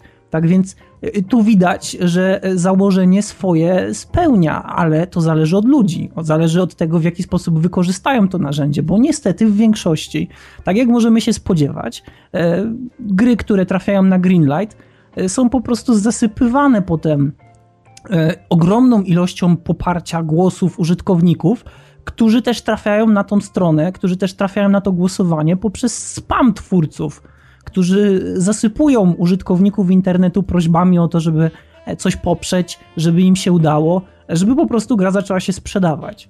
E, I oczywiście wydaje mi się, że można to zrozumieć, tak? Bo jeśli jesteś twórcą e, i chcesz iść w to tak naprawdę całym sercem, no to musisz zacząć zarabiać, żeby się utrzymywać. Ale z drugiej strony, kiedyś nawet poruszaliśmy ten temat, że Greenlight zaczyna być przesycony produkcjami, które w normalny sposób również by się sprzedały, produkcjami, które tak naprawdę nie mają walorów produkcyjnych jakichś w sobie większych i e, często można je porównać nawet z darmowymi modami, a czasami jest to po prostu zwykła walka e, między jednym a drugim tytułem, które są, które są blisko między sobą na tej liście tych promowanych, po prostu o kilka głosów.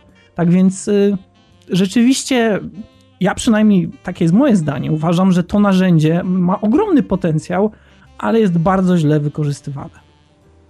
Wiesz co, potencjał potencjałem, mimo wszystko no, natura ludzka jest taka, a nie inna i dlatego po prostu moje zdanie jest takie, że Gabe Newell był w tym momencie mimo wszystko naiwny, bo do cholery nawet dynamit nie został stworzony po to, żeby zabijać, prawda? Tak więc tak samo tutaj on miał zamysł taki, ale co zobaczyła w tym większość użytkowników Steama, to jest inna kwestia. I skoro mógł się tego spodziewać, to no, po prostu dziwi mnie, że tak to go zaskakuje teraz. Tak, ja się całkowicie zgadzam z Grabczasem. To było skrajnie naiwnie i nieprzewidzenie takiego obrotu sprawy było nie wiem, dla mnie nie do wiary i ciężkie do uwierzenia. Możliwe, że to po prostu jakaś taka wymówka wymyślona na prędce, bo ja sobie tego nie wyobrażam, by, by Steam tego nie był wcześniej w stanie przewidzieć. Czyli to wszystko, tak? No dobrze, no okej. Okay. No ja mam, ja mam nadzieję mimo wszystko, że Greenlight nadal będzie istniał, e, dlatego że możliwości, e, które daje twórcom są ogromne. I e, to jest chyba jedyna taka platforma zaraz po desurze, która pozwala w jakikolwiek sposób wybić się tym mniejszym studiom albo tym pojedynczym deweloperom, którzy tworzą swoje gry i tak naprawdę nie mogą się przebić przez przez ten gąszcz wszystkich produkcji w internecie.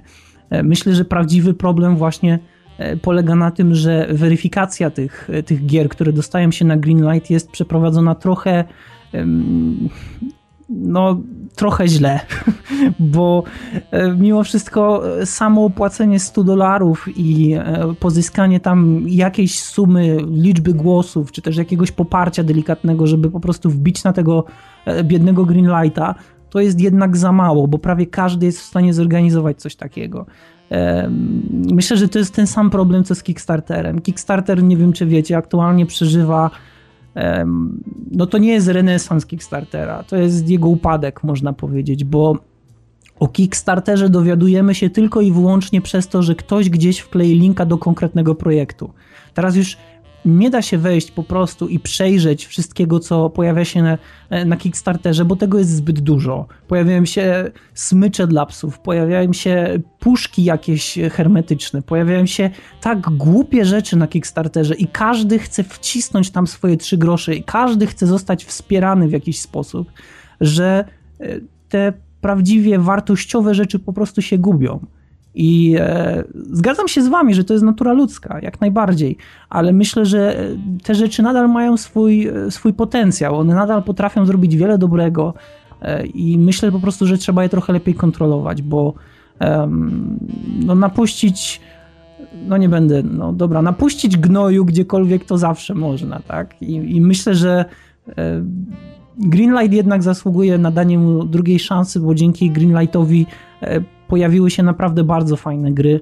E, gry indie w szczególności, czyli na przykład właśnie Project Zomboid, który teraz doczekał się trybu kooperacji, czy na przykład Lone Survivor, który uważam, że jest naprawdę świetną grą indie i wiele innych, które normalnie po prostu by na Steama nie trafiły. Tak więc e, mam nadzieję, że mimo to, że Valve zlikwiduje Greenlight, to nadal da możliwość tym biednym pojedynczym twórcom na to, żeby jakoś się na tym Steamie promować i jakoś się na tego Steama dostać, bo to sprawia, że e, później możemy liczyć na kolejne tytuły, które miejmy nadzieję będą tak samo dobre od ludzi, którzy naprawdę czują potrzebę e, i mają chęć oraz talent do tworzenia takich rzeczy. Tak więc e, tyle. No tak, sama idea projektu Greenlight była bardzo dobra i dlatego ja wierzę, że Steam po prostu znajdzie jakąś inną alternatywę dla niezależnych twórców na promowanie się.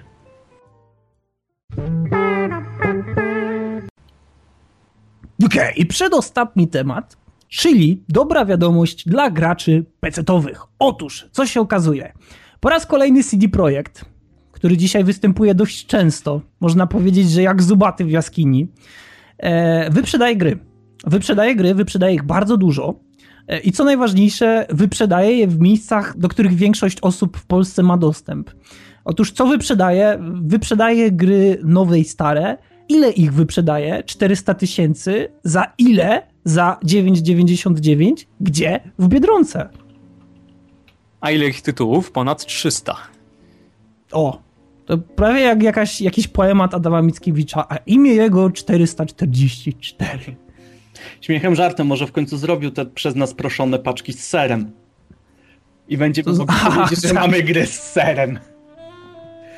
Nie wiem, tak poważnie. E, no, to jest okazja świetna. Ja na pewno, e, jak tylko będę mógł, e, pozapycham wszelkie dziury w swojej kolekcji zwłaszcza, bo jednak jest sporo gier z cyklu, a kupiłbym, ale teraz coś tam ważniejsze wydatki. Teraz w końcu liczę na to, że będę mógł te dziury pozapychać, liczę, że będę mógł po prostu parę gier bez jakiejkolwiek hmm, bez, bez jakichkolwiek wyrzutów kupić dla eksperymentu tak naprawdę. No i Irox. For science mówisz. Tak, for science, żebyś wiedział. E, chociażby Dirt trzeci, który jest już tak naprawdę potwierdzony, będzie dla mnie tak, takim swoistym zakupem, żeby się przekonać, nie? Jak, jak to wyglądało, bo jakoś nigdy nie pokróciło mnie dama ściągnąć, a tak 10 zł, co to było? No i pewnie Irox z Norbim e, będą mnie cisnąć e, grabczas Chivalery, Chivalery! Tniemy głowę Chivalery! No, Chivalry jest, jest naprawdę bardzo fajną grą. Właściwie to Chivalry, ale tam znowu będą doczepy, że Odin, jak możesz? Tak, e, gramy. No, tak czy inaczej, wśród tytułów, które się pojawiają, e, oprócz tego Chivalry pojawia się również Aliens Colonial Marines, czyli gra, która no cóż, Za 10 zł pani redaktor, szybki bramkoszczelny jak Łukasz Podolski, e, miała być dobra, ponoć po ostatnim patchu jest dobra, tak jak mi mówił Jaruto. Ponoć. Nie mam pojęcia, ale będzie za 10 zł. E, będzie również Dirt trzeci, tak jak powiedział Grabczas. E, I wydaje mi się, że Dirt trzeci naprawdę zasługuje na to, żeby go kupić, bo to jest rewelacyjna gra wyścigowa. E, świetnie się w nią gra na padzie albo na klawiaturze, obojętnie. Ma świetną grafikę i naprawdę za 10 złotych 10 zł za tak dobrą grę. Jestem, jestem aż zdziwiony, ale to nie koniec, dlatego że znajdą również tutaj jakieś e, ciekawe perełki y, fani RTS-ów, bo pojawi się również StarCraft wraz z dodatkiem Brood War. Wreszcie oraz... przeceniony po długich latach. wreszcie przeceniony. Oraz y, Shogun 2, Total War Shogun 2 E, nie wiem, czy to jest dodatek, czy, nie, czy to jest po prostu jest rozszerzona po prostu wersja? druga część y, Total War Shogun, nie? To jest po prostu... Bo tutaj jest dopisek y, Zmierzch Samurajów i nie wiem po prostu, czy E, czy to jest podtytuł tej gry, czy nie. Jeżeli Niemniej... to jest sam Zmierzch Samurajów, to byłoby głupie, gdyby wydawali y, dodatek wymagający podstawki, aczkolwiek może to jest ta, bo wiem, że było na 100% pudełku, w którym był Shogun 2 plus Zmierzch Samurajów. Jeżeli to jest to, tym bardziej dam kolejną szansę tej serii tak naprawdę. No to myślę, że to jest naprawdę świetna opcja i też y, brawa dla CD Projekt, dlatego że E, rzadko zdarza się taka okazja, żeby dorwać takie tytuły. Biedronka raz po raz wydaje jakieś e, ciekawe promocje. E, pojawiają się w niej gry, które można powiedzieć, że są naprawdę bardzo fajne, bo przecież to w Biedronce pojawił się Metro Last Light za 79 zł, kiedy w sieci można go było kupić za 160-120, tak więc dla każdego, kto chciał, E, to była rewelacyjna opcja. Pojawił się również e, Deus Ex Director's Cut, co szczerze powiedziawszy wprawiło mnie w osłupienie, kiedy idąc z serem trafiłem właśnie na półkę e, z grami biedronkowymi i nagle pojawia się taka gra, która, która była no tak naprawdę wydana kiedy? No dwa tygodnie temu może? Tak więc tym bardziej byłem zdziwiony i myślę, że naprawdę można tylko i wyłącznie pogratulować CD Projekt E, wszystkich graczy zapraszamy do Biedronki. Warto będzie ustawiać się w kolejkach. E, pierwsze tytuły pojawią się już 10 e, lutego, 9,99. Warto czekać. A jeszcze tutaj poprawka drobna. Ze swoich sprytnych źródeł kibicujących przy nagraniu dowiedziałam się, że jednak Zmierzch Samurajów to jest samodzielny dodatek do Shoguna 2, tak więc to będzie najwyraźniej ten właśnie dodatek, tak jak to zwróciłeś uwagę o tym.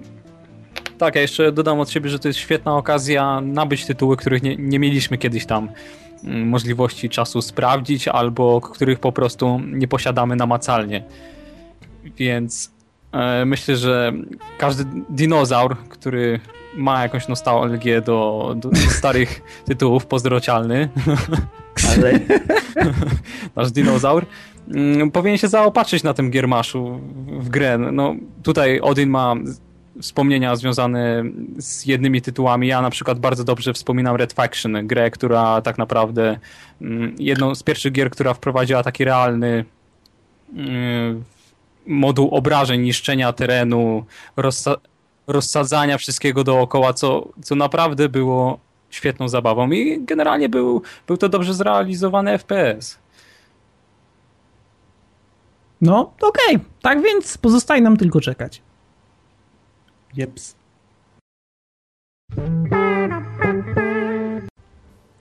Okay, tak więc ostatni temat dzisiejszego podcastu, czyli pytanie, można powiedzieć, że tektoniczne, czy ktoś z was pamięta sequele przysłaniające oryginał? Stój, stój, stój, stój, e... przepraszam.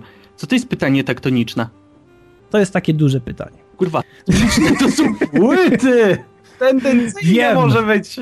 Ale nie zmienia faktu, że jest duże pytanie. Może o to chodzi, że jest wielowarstwowe, wielowątkowe. Tak, o, płyty widzisz, kolega tłumaczy. Dokładnie, no. o to chodziło. tak czy inaczej, czy pamiętacie takie sequele? E, ja osobiście... Jakie sequele? Przysłaniające oryginał oczywiście. No. To jest e, temat rzeka, myślę, i ja chciałem tylko powiedzieć, dlatego że wy zapewne wyskoczycie tutaj z tytułami, które stare, prawilne i zasługujące na wspominek. Zapewne tak będzie, ale um, ja osobiście myślę, że takim dobrym przykładem, e, który dość szybko można wyciągnąć z rękawa, jest seria Bioshock, która e, może nie do końca każdy kolejny tytuł przysłania oryginał, bo w przypadku Bioshocka dwójki nie wiem dlaczego, ale wiele osób uważało, że jedynka była lepsza. Natomiast wydaje mi się, że z każdą kolejną częścią w przypadku Bioshocka było tylko lepiej. E, I to jest z takich e, prostych przykładów, które można wyciągnąć już teraz i które myślę, że każdy z naszych słuchaczy będzie w stanie jakoś skojarzyć, bo, e, no bo to są gry, które jeszcze no, nawet młodsi gracze będą, będą kojarzyć. Dla mnie przy tym pytaniu momentalnie pojawiają się dwa przykłady. Od pierwszego zacznę takiego, hmm, mniej popularnego na łamach DSP niejako. Jest to seria Devil May Cry, gdzie trójka całkowicie przyćmiła pierwowzór. Głównie dlatego, że miała prawie wszystko więcej lepiej, aczkolwiek y, gra też właśnie zrezygnowała z elementu eksploracji, który jeszcze niejako pojawiał się faktycznie y, w pierwszej części, która to oryginalnie wywodziła się w ogóle jako czwarty tak, oryginalnie to miał być czwarty Resident Evil, ale tak naprawdę gra za mocno zmieniła tor w międzyczasie i takim cudem narodził się Devil May Cry. Jednak właśnie trzecia część to jest przykład tego, że można zrobić takie, taką kontynuację, która mimo, że fabularnie to był prequel, ale zakładam, że nie o to chodzi, która całkowicie potrafi dla ludzi przysłonić tą jedynkę. Wiele osób znam, które grały właśnie w trójkę, potem w czwórkę, potem w nowe Devil May Cry od Fu Ninja Fiory, ale tak naprawdę zapomniało gdzieś tam o jedynce, nie? To jest jeden przykład. Drugi przykład, i to wydaje mi się, że nie znajdzie się osoba, która się z tym nie zgodzi, to jest seria Tony Hawk Pro Skater tak naprawdę chyba dla wszystkich ta seria liczy się dopiero od drugiej części gry. Nie wiem Oj, jak tak, tak, prawda.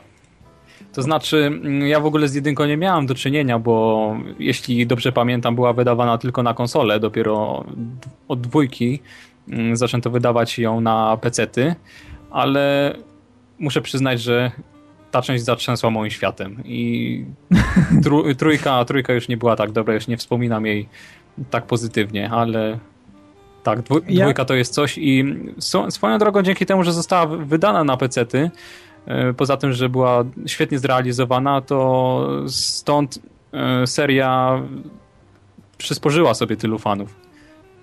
Ja pamiętam e, Tony Hawk Pro Skater jeszcze z czasów PlayStation pierwszego, dlatego że to była jedna z pierwszych gier, którą miałem. I grałem w nią maniakalnie, można powiedzieć. E, poznałem bardzo wiele nowych zespołów, dlatego że soundtrack do tej gry był genialny i myślę, że design leveli również był bardzo dobry. E, jedynka naprawdę, no wspominam z łezką wokół. Natomiast do tej pory pamiętam, jaki byłem zaskoczony i jak bardzo mnie to kręciło, że e, w dwójce pojawił się mechanizm, który pozwalał nam na łączenie tak jakby kolejnych trików poprzez zrobienie manuala, czyli takiego um, przejażdżki na dwóch kołach deskorolki, po to, żeby wyskoczyć, potem wskoczyć na przykład na jakąś krawędź i sobie grindować, czyli przejechać e, całym bokiem tej deski e, po całej tej krawędzi. E, ja do tej pory pamiętam, że to było dla mnie nie do ogarnięcia, że kiedyś w jedynce nie było takiej mechaniki i lądując mogliśmy tylko zrobić manuala i to było tyle, a tutaj nagle te manuale e, no, pojawiły się znikąd, znaczy były już w pierwszej części, ale teraz po pozwoliły nam łączyć te kombosy w taki sposób, że... Że realnie no to jest nieosiągalne, ale w sumie nie, nie o to chyba tej grze chodziło wtedy. I wiesz co, ja osobiście po prostu cenię Tony Hawka za to, że Mm, kiedy byłem młodszy, to nie dość, że dawał mi i moim znajomym mnóstwo frajdy, to poza tym mogliśmy grać wspólnie na jednej konsoli i e, no ogólnie to była dobra seria, ale e, nie wiem, dla mnie jakoś nigdy nie było tak, że jedynka, jedynka była jakoś przyćmiona przez dwójkę. Myślę, że dwójka po prostu wprowadzała fajne rozwiązanie w postaci tego manuala, a już kolejne części to w sumie tak jakby ich nie było, bo, bo pamiętam, że były. Wiem, bo grałem, ale ni cholery nie pamiętam nic. Tak więc e, myślę, że oprócz tego, że będziemy tutaj mówić o, o grach, które rzeczywiście e, są bardzo dobrymi sequelami, to też e, warto zauważyć, że jednak bardzo często jest tak, że, że ciężko jest znaleźć dobry sequel, że jednak czasami pierwowzór nadal pozostaje tym takim brylancikiem, którego no, nie można przeoczyć i nie można go przysłonić jakimś innym tytułem, często tytułem, który tak naprawdę narodził się właśnie e, dzięki swojemu pierwowzorowi. Na przykład Pokémony!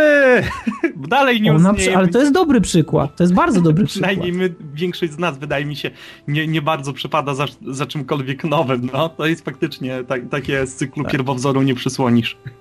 Tak, dokładnie. Ja nie wiem, co ty o tym myślisz, Jaracz, ale nie wiem, bo nie wiem, czy kojarzysz i czy lubisz i czy grałeś w Pokémony. No oczywiście, nie... oczywiście no, i dokładnie, każdy grał. dokładnie z wami się zgadzam, że pierwsze części to te, które się u mnie wiążą z największą nostalgią i które były po prostu fajne, te, poko- te wyglądały dobrze, a teraz są przekombinowane. No, teraz to nawet ciężko jest nazwać przekombinowanymi Pokémonami, to są e, to są Pokémony, które składają się z kilku geometrycznych kształtów, które tak, są ze sobą kresek, sklejone. tak. Są, albo tak. wykorzystują już wtórne pomysły, które Wiesz wcześniej co? gdzieś tam były. Wiecie co, nie, akurat co chodzi o te najnowsze poki, to chyba nawet dwie ostatnie serie, dlaczego tak, a nie inaczej e, one wyglądają, to dowiedziałem się tam od znajomych, którzy bawią się w karciankę kolekcjonerską Pokémon. Jest to związane z tym, że większość Pokémonów, które teraz dostajemy, pochodzą z, uwaga, konkursu dla pięciolatków! I to nie jest żart. To są po prostu o. projekty małych dzieci, które przekonają... To wiele wyjaśnia. A czy te małe dzieci, nie wiesz może, czy te małe dzieci e, wymyślały może ich moce? Wie, tak. Tego już ci nie powiem. Wiem tylko, że projekty Bo... pochodzą w dużej mierze już od małych dzieci. To, to nie... Ludzie się tak śmiali, ale to jednak jest autentyk.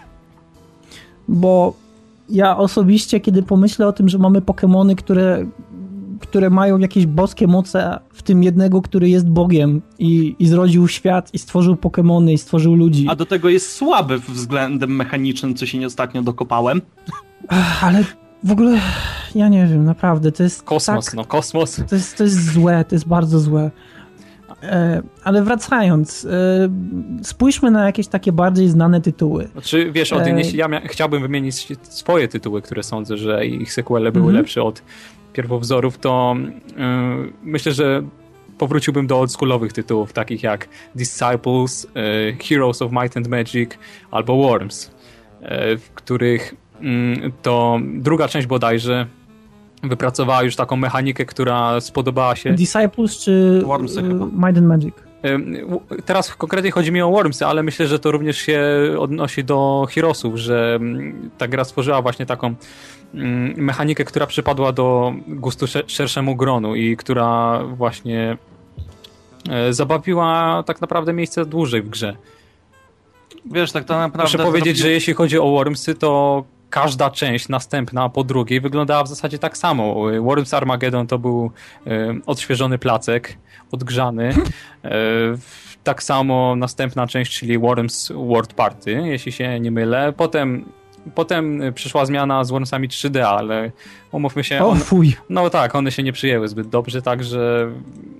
Ja myślę, że jedyna ostatnia normalna część Wormsów to są Wormsy Reloaded, które e, nie zmieniły dużo, ale też dzięki temu nic nie zepsuły, nadal są w 2D. Mają otwarty protokół, gdzie pozwala to na normalną, swobodną grę w internecie, nie tak jak te wcześniejsze części, które miały z tym problem.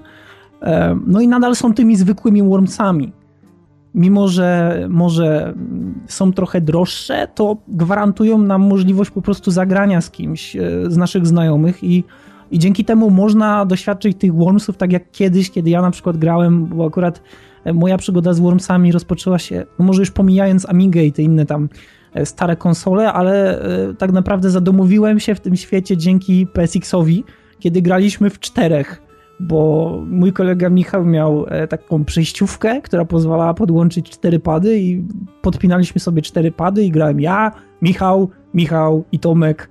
E, no, było naprawdę fajnie i wtedy właśnie wsuwaliśmy zupki chińskie na sucho. E, dobre czasy, do tej pory pamiętam, że Michał jako jedyny potrafił używać Ninja Rope, czyli tej takiej linki. Taki skakać no, na niej. Więc dobre wspomnienia mam z Wormsami i do tej pory pamiętam, że jak widziałem Wormsy w 3D, to po prostu zbierało mi się, ale... Tak, ja kiedyś kupiłem w jakiejś taniej serii, bodajże to była ekstra klasyka za 19 zł. Myślę, że je odpaliłem. Trochę się z nimi oswoiłem przez godzinę, a potem już rzuciłem w kąt. No i dobrze. No też tak sądzę. Ja, ja też myślę, że jeśli chodzi o takie mm, bardziej oczywiste przykłady, tutaj możemy je mnożyć. Na przykład E, no może to nie będzie aż takie proste, e, bo chociażby porównując Max Payne na jedynkę do, do dwójki, to jedynka nadal pozostaje e, świetną grą, dwójka również pozostaje świetną grą, ale dwójka zdecydowanie nie przysłania jedynki, tak więc tutaj trafiamy na pewien wyjątek. Są gry, które po prostu stają się z każdą kolejną częścią łatwe do zapamiętania, zapisują się w pamięci, ale mimo wszystko nie jest wcale tak, że najnowsza część, ta najmłodsza, całkowicie E, zaciera ślad po tej poprzedniej. Pojawiają się również takie tytuły, które myślę, że można by tutaj dywagować. E, czy to dobrze się stało, że są takie, czy nie? Na przykład właśnie ten XCOM wspomniany. E, XCOM w swoich poprzednich częściach, w których ja grałem i grałem dość dużo, był grą wyjątkowo angażującą. Pozwalał na rozbudowanie swojego oddziału, E, był, e, można powiedzieć, długą grą, dlatego że pojedyncza plansza e, potrafiła zająć nawet parę godzin. W szczególności, kiedy okazywało się, że gdzieś jakiś ufok się schował i ciężko go znaleźć.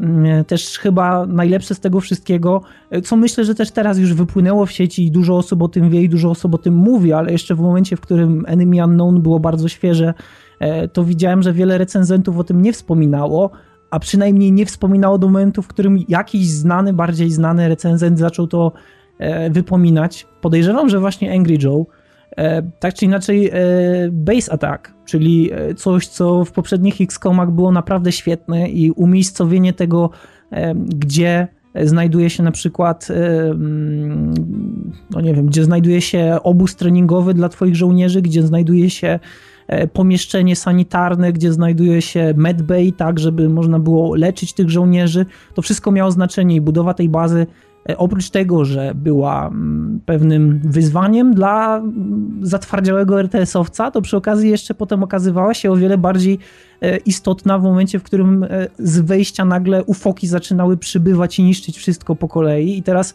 jak nam zniszczyły generatory albo inne rzeczy, to było naprawdę kiepsko i w tym momencie to naprawdę miało bardzo duże znaczenie. I człowiek bardzo mocno zastanawiał się nad tym, co powinien i w jakiej kolejności zbudować. No, w XCOM Enemy Unknown to tak naprawdę nie ma znaczenia, bo takie elementy w tej grze się nie pojawiają. Mimo, że po tych patchach wszystkich muszę przyznać, że Enemy Unknown jest fajną grą, w którą miło się gra, to tutaj następuje ten problem, że nie wiem do końca, czy mam powiedzieć, że te pierwowzory były lepsze, czy ten Enemy Unknown jest lepszy, czy może po prostu znaczy, ten... Zdecydowanie pierwowzory były bardziej skomplikowane. Enemy Unknown na pewno jest zubożoną wersją gry, ale to nie znaczy, że gorszą. E, tak, tak. Jeśli chodzi o misję obrony bazy, to muszę powiedzieć, że wprowadzono je w dodatku Enemy Within. Ale... ale... Jak to wygląda? Powiedz nam, Jaracz. E, to znaczy, Tutaj akurat nie nakreślę tego zbyt dokładnie, bo się nie orientuję, ale wprowadzono kilka ulepszeń, e, właśnie dodatkowe typy misji e, oraz także organizację, z którą e, nasi żołnierze walczą, która jest taka, która ma inną politykę w stosunku do organizacji XCOM, która mówi o... Tak, oni są jak Cerberus, oni chcą kontrolować. Tak, oni chcą wykorzystać mm, technologię ufoków na swoją korzyść i mm, dlatego, dlatego działają przeciwko XCOMowi a my jako ten dzielny, jedyny Shepard w galaktyce krzyczymy do nich, nie jesteście w stanie ich kontrolować. No tak, ale I trzech kolorków na końcu nie ma. Na szczęście.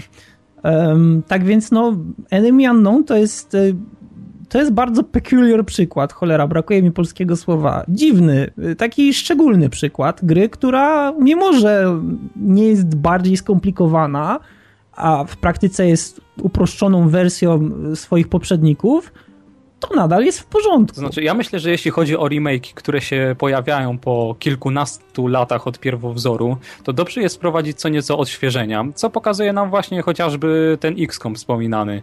E, teraz też mm, w Planescape, nad którym trwają prace, już zdecydowano o tym, że, że zostanie wprowadzony system turowy. Jak to wyjdzie, zobaczymy ale myślę, że to wyjdzie na dobre grze. Natomiast ja jestem zdania, że w grach z jednej serii, które się, które wychodzą regularnie i które FIFA w przeciągu nie aż tak regularnie. Dajmy na to w przeciągu tych kilku lat lepiej nie zmieniać od podstaw mechaniki. To już nam pokazały mm, Heroesy 3, które się do dzisiaj cieszą ogromną popularnością. Czwórka już nie była tak udana, zresztą bardzo podzieliła fanów pomiędzy sobą. Frio właśnie świetnie to zrobiło to, że z, z... Że upadło i zbankrutowało. Tak, to był doskonały ruch z ich strony, bardzo przemyślany. Ale Frio świetnie zrobiło e, to, że z dwójki na trójkę ulepszyli co, nie, ulepszyli co nieco mechanikę, oczywiście poprawili grafikę na bardziej na lepszą, ale nie zmieniali podstaw gry i to wyszło grze naprawdę na dobre. Potem z czwórką przyszły mhm. diametralne zmiany i to się nieciekawie dla nich skończyło. Mm, też inny przykład, jaki można podać, to. Ale powiedz, powiedz mi, co myślisz o piątce i o szóstce, dlatego że jestem bardzo ciekawy, bo ja osobiście nigdy nie byłem w stanie przełknąć piątki i szóstki. I gdyby ktoś mi powiedział, że mam grać w piątkę i szóstkę, to ja bym dobrowolnie zainstalował czwartą część, która mimo, że. Yy, to mimo wszystko wolałbym w nią bardziej grać bo jest bardziej heroesowata. A, um, a ta, ta piąta i szósta część mimo wszystko jakoś tak nie jestem w stanie się do tego przekonać, tak samo jak... E... No zresztą dobra, odpowiedz najpierw na, na, to pytanie, a potem wrócimy do tego, co chciałem powiedzieć. Już zapomniałem, że miał pytanie. Ale w każdym razie ja do dzisiaj... Szóstka. Piątka, szóstka. Tak, tak. Ja do dzisiaj e, zdecydowanie wolę wracać do trójki. Teraz muszę e, ten nowy mod ale czy potrafisz Horn of the Abyss przełknąć? Przetestować. E, w każdym e, razie byłem w stanie przełknąć piątkę. E, zresztą z wielką niecierpliwością czekałem na ten tytuł, jak wychodził. Nawet zamówiłem sobie edycję przedpremierową, kolekcjonerską. Mm, I byłem podjarany nią troszkę, jak miałem, ile to wtedy, 16 lat może? 17? No w każdym razie byłem głupim gnojem. E, I wtedy mi się w miarę podobała, ale teraz nie mogę jej kompletnie przekonać. Też myślę, że mm, oczywiście wprowadzili tam niektóre fajne rzeczy, jak rozwój bohatera, całkiem ciekawy, całkiem ciekawe drzewko umiejętności, ale wszystko inne moim zdaniem to jest krok w tył. E, też zmienili heksy na e, kwadraciki, co jest uproszczeniem rozrywki. Pole bitwy stało się dużo mniejsze.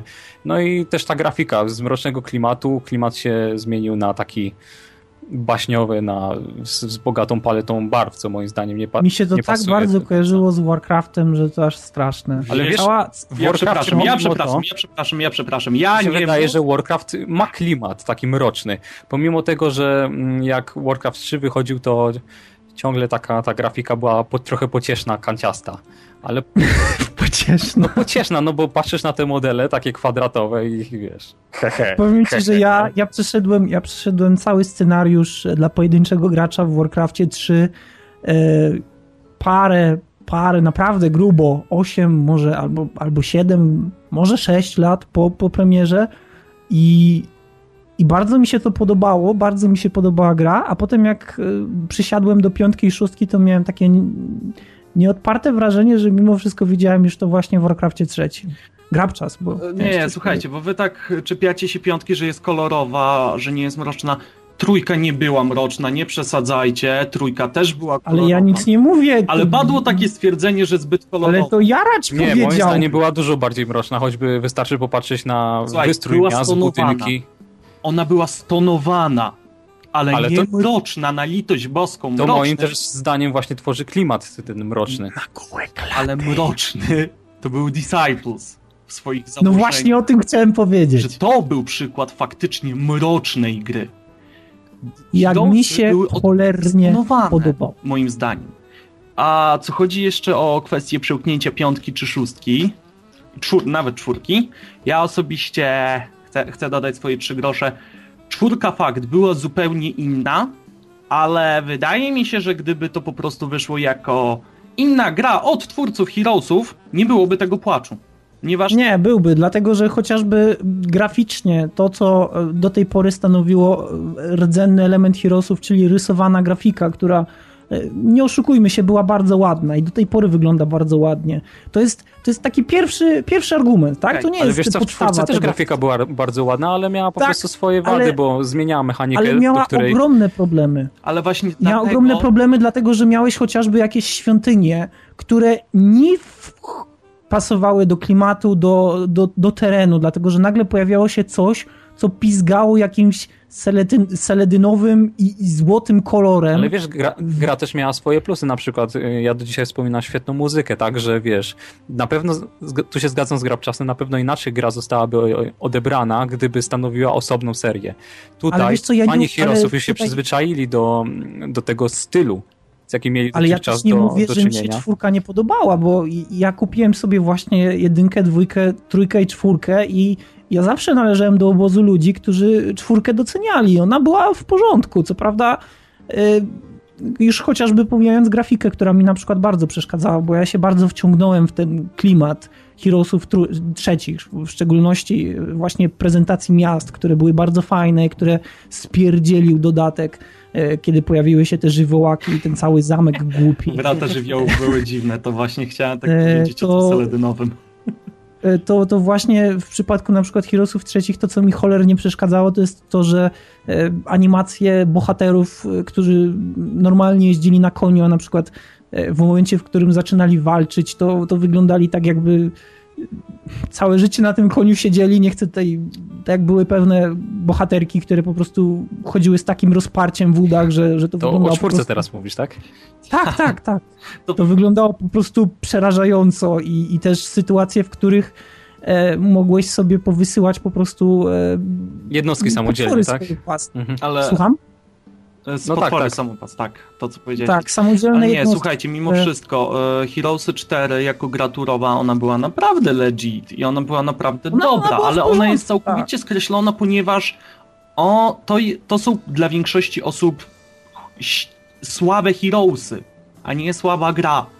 I w no, tym leży chyba i największy problem. I tak samo problemem trójki, y, ten, piątki i szóstki, moim zdaniem, dalej jest właśnie fakt, że po prostu one nie są trójką.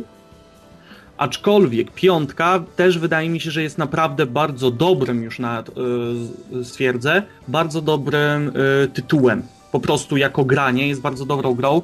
Faktycznie ma duże zmiany mechaniczne, moim zdaniem yy, bardzo mocno wychodzące na plus. Mi się na przykład bardzo mocno podobało przegrze- przerobienie systemu inicjatywy z formy, jaki on był w trójce, na system tego, jaki został użyty w piątce, nie? Że jeżeli potwór ma być nie wiadomo jak wolny i ma mieć niską inicjatywę, znajdą się na przykład potwory albo postacie, które będą potrafiły wykonać więcej akcji niż ten wolny potwór, czego nigdy nie było yy, w innych Heroesach. Mi się to cholernie Znaczy, no to było akurat tak, że była szybkość, tak, że szybkie jednostki w trójce na przykład wykonywały, yy, miały dwa razy pod rząd E, możliwość e, kontroli czy wykonania czegokolwiek, e, a w międzyczasie niestety ten na przykład wielki smok posiadający prędkość 6 musiał czekać na swoją kolej, dlatego że niestety Smoki akurat były szybkie.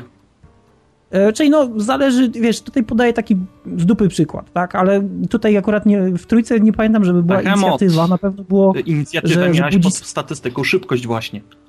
Aha, tak, okej, okay, no to, no też ma pamiętam. znaczenie na to, w jakiej kolejności się ruszały jednostki, o czym dużo osób nie kojarzy. Mhm. No tak, no, no tak. Ale tak. w piątce na przykład Y- nie można było nadużywać tak czekania. Sorry, że tak wejdę, bo jeżeli chciałeś za mocno czekać y, wolną jednostką, nagle ci anioły podchodziły, wykonywały jeszcze kolejny atak, zanim ty mogłeś wyskoczyć tą jednostką, nie? Dajmy na to. I to już, to już właśnie tak trzeba było zmienić to nastawienie i wydaje mi się, że przez to, że trzeba było zmienić swoje nastawienie, to też dużo graczy powiedziało be. Ja myślę, że większość graczy nie przeszła nawet tego momentu, żeby, żeby podjechać jakąś jednostką i, i zawalczyć z kimś. Myślę, że dużo osób odpadło już poprzez e, samą prezentację mapy i tego, jak bohater się po niej porusza. Grabczas, ja mogę mieć też pewną niechęć do piątki mm, z tego powodu, jak ona wyglądała niedługo po premierze, bo była to naprawdę uboga gra. Teraz ty mówisz, mm, że to jest dobra gra. Okej, okay, ona została połatana, doszła do niej, doszło do niej z, doszły do niej z dwa dodatki chyba. Właśnie. Trzy. Dodatki. A... Może to też robi dużą różnicę, że ja już grałem tylko i wyłącznie z dodatkami, gdzie też mamy to wprowadzenie, że masz dwa rodzaje upgrade'ów, nie? Tak, ja, ja na przykład miałem do czynienia z grą niedługo po premierze, gdzie na przykład w ogóle nie było e, w menu przycisku czekania podczas bitwy. Trzeba było się domyślić, że trzeba jakąś tam literkę e, kliknąć. Albo na przykład e, były do dyspozycji tylko, było do dyspozycji kilka map losowych, takich scenariuszy indywidualnych. Więc naprawdę gra została wydana na prędce i było tam mało możliwości. Ja to ja chciałem powiedzieć teraz, już trzymając się tego klimatu, chciałem powiedzieć o, o grze, która jest dość mocno spowinowacona z Heroesami ze względu na, na, na ten nurt, czy, czy może na ten gatunek, czyli właśnie Disciples. Ja osobiście uwielbiam Disciples drugie, grałem w jedynkę, uważam, że dwójka całkowicie zasłania jedynkę. Niestety kolejne Disciples mi się w ogóle nie podobają. Też dlaczego? Głównie z tego, że fabuła w kolejnych Disciples jest trochę bardziej pokopana, walki wyglądają trochę inaczej, no i też te piękne rysowane jednostki zamieniły się na trochę mniej piękne rysowane jednostki. Jakieś takie przekombinowane. Tak, zdecydowanie przekombinowane. W Disciples 2 mieliśmy po prostu fantastyczne drzewka rozwoju. Ja pamiętam, że sama możliwość zobaczenia portretu jednostki, którą, którą będziemy rozwijać, w którą będziemy inwestować, była ogromnym wynagrodzeniem tego oczekiwania. Myślę, że nawet bardziej. No tak, myślę, że zdecydowanie bardziej taktyczna gra od Heroesów trzecich, mimo że Heroesy trzecie posiadały bardzo dużo tych taktyk i bardzo dużo tej mechaniki, która była ukryta pod parawanem. Ja dopiero kiedyś, jak czytałem sobie taki portal w Polsce, nie pamiętam już jak on się nazywał, wiem, że to była jakaś tam twierdza. Um, oni tam mają swoje forum, na którym rozpisują sobie wszelkie możliwe taktyki i analizują mecze między jednym a drugim zawodnikiem. E, tam naprawdę widać, że Heroes 3 potrafi być bardzo głęboką grą. Natomiast dla mnie na pierwszy rzut oka Disciples 2 było zawsze trochę bardziej taktyczne, bo mieliśmy zdecydowanie mniej jednostek, które mogliśmy posiadać w drużynie. Ich było bodajże sześć. E, istniały tylko dwa rzędy, e, w których mogły stać jednostki. No i też te umiejętności w tym momencie miały o wiele większe znaczenie. Walka była zdecydowanie bardziej taktyczna. W ogóle walka wyglądała trochę jak, jak pojedynek szachowy.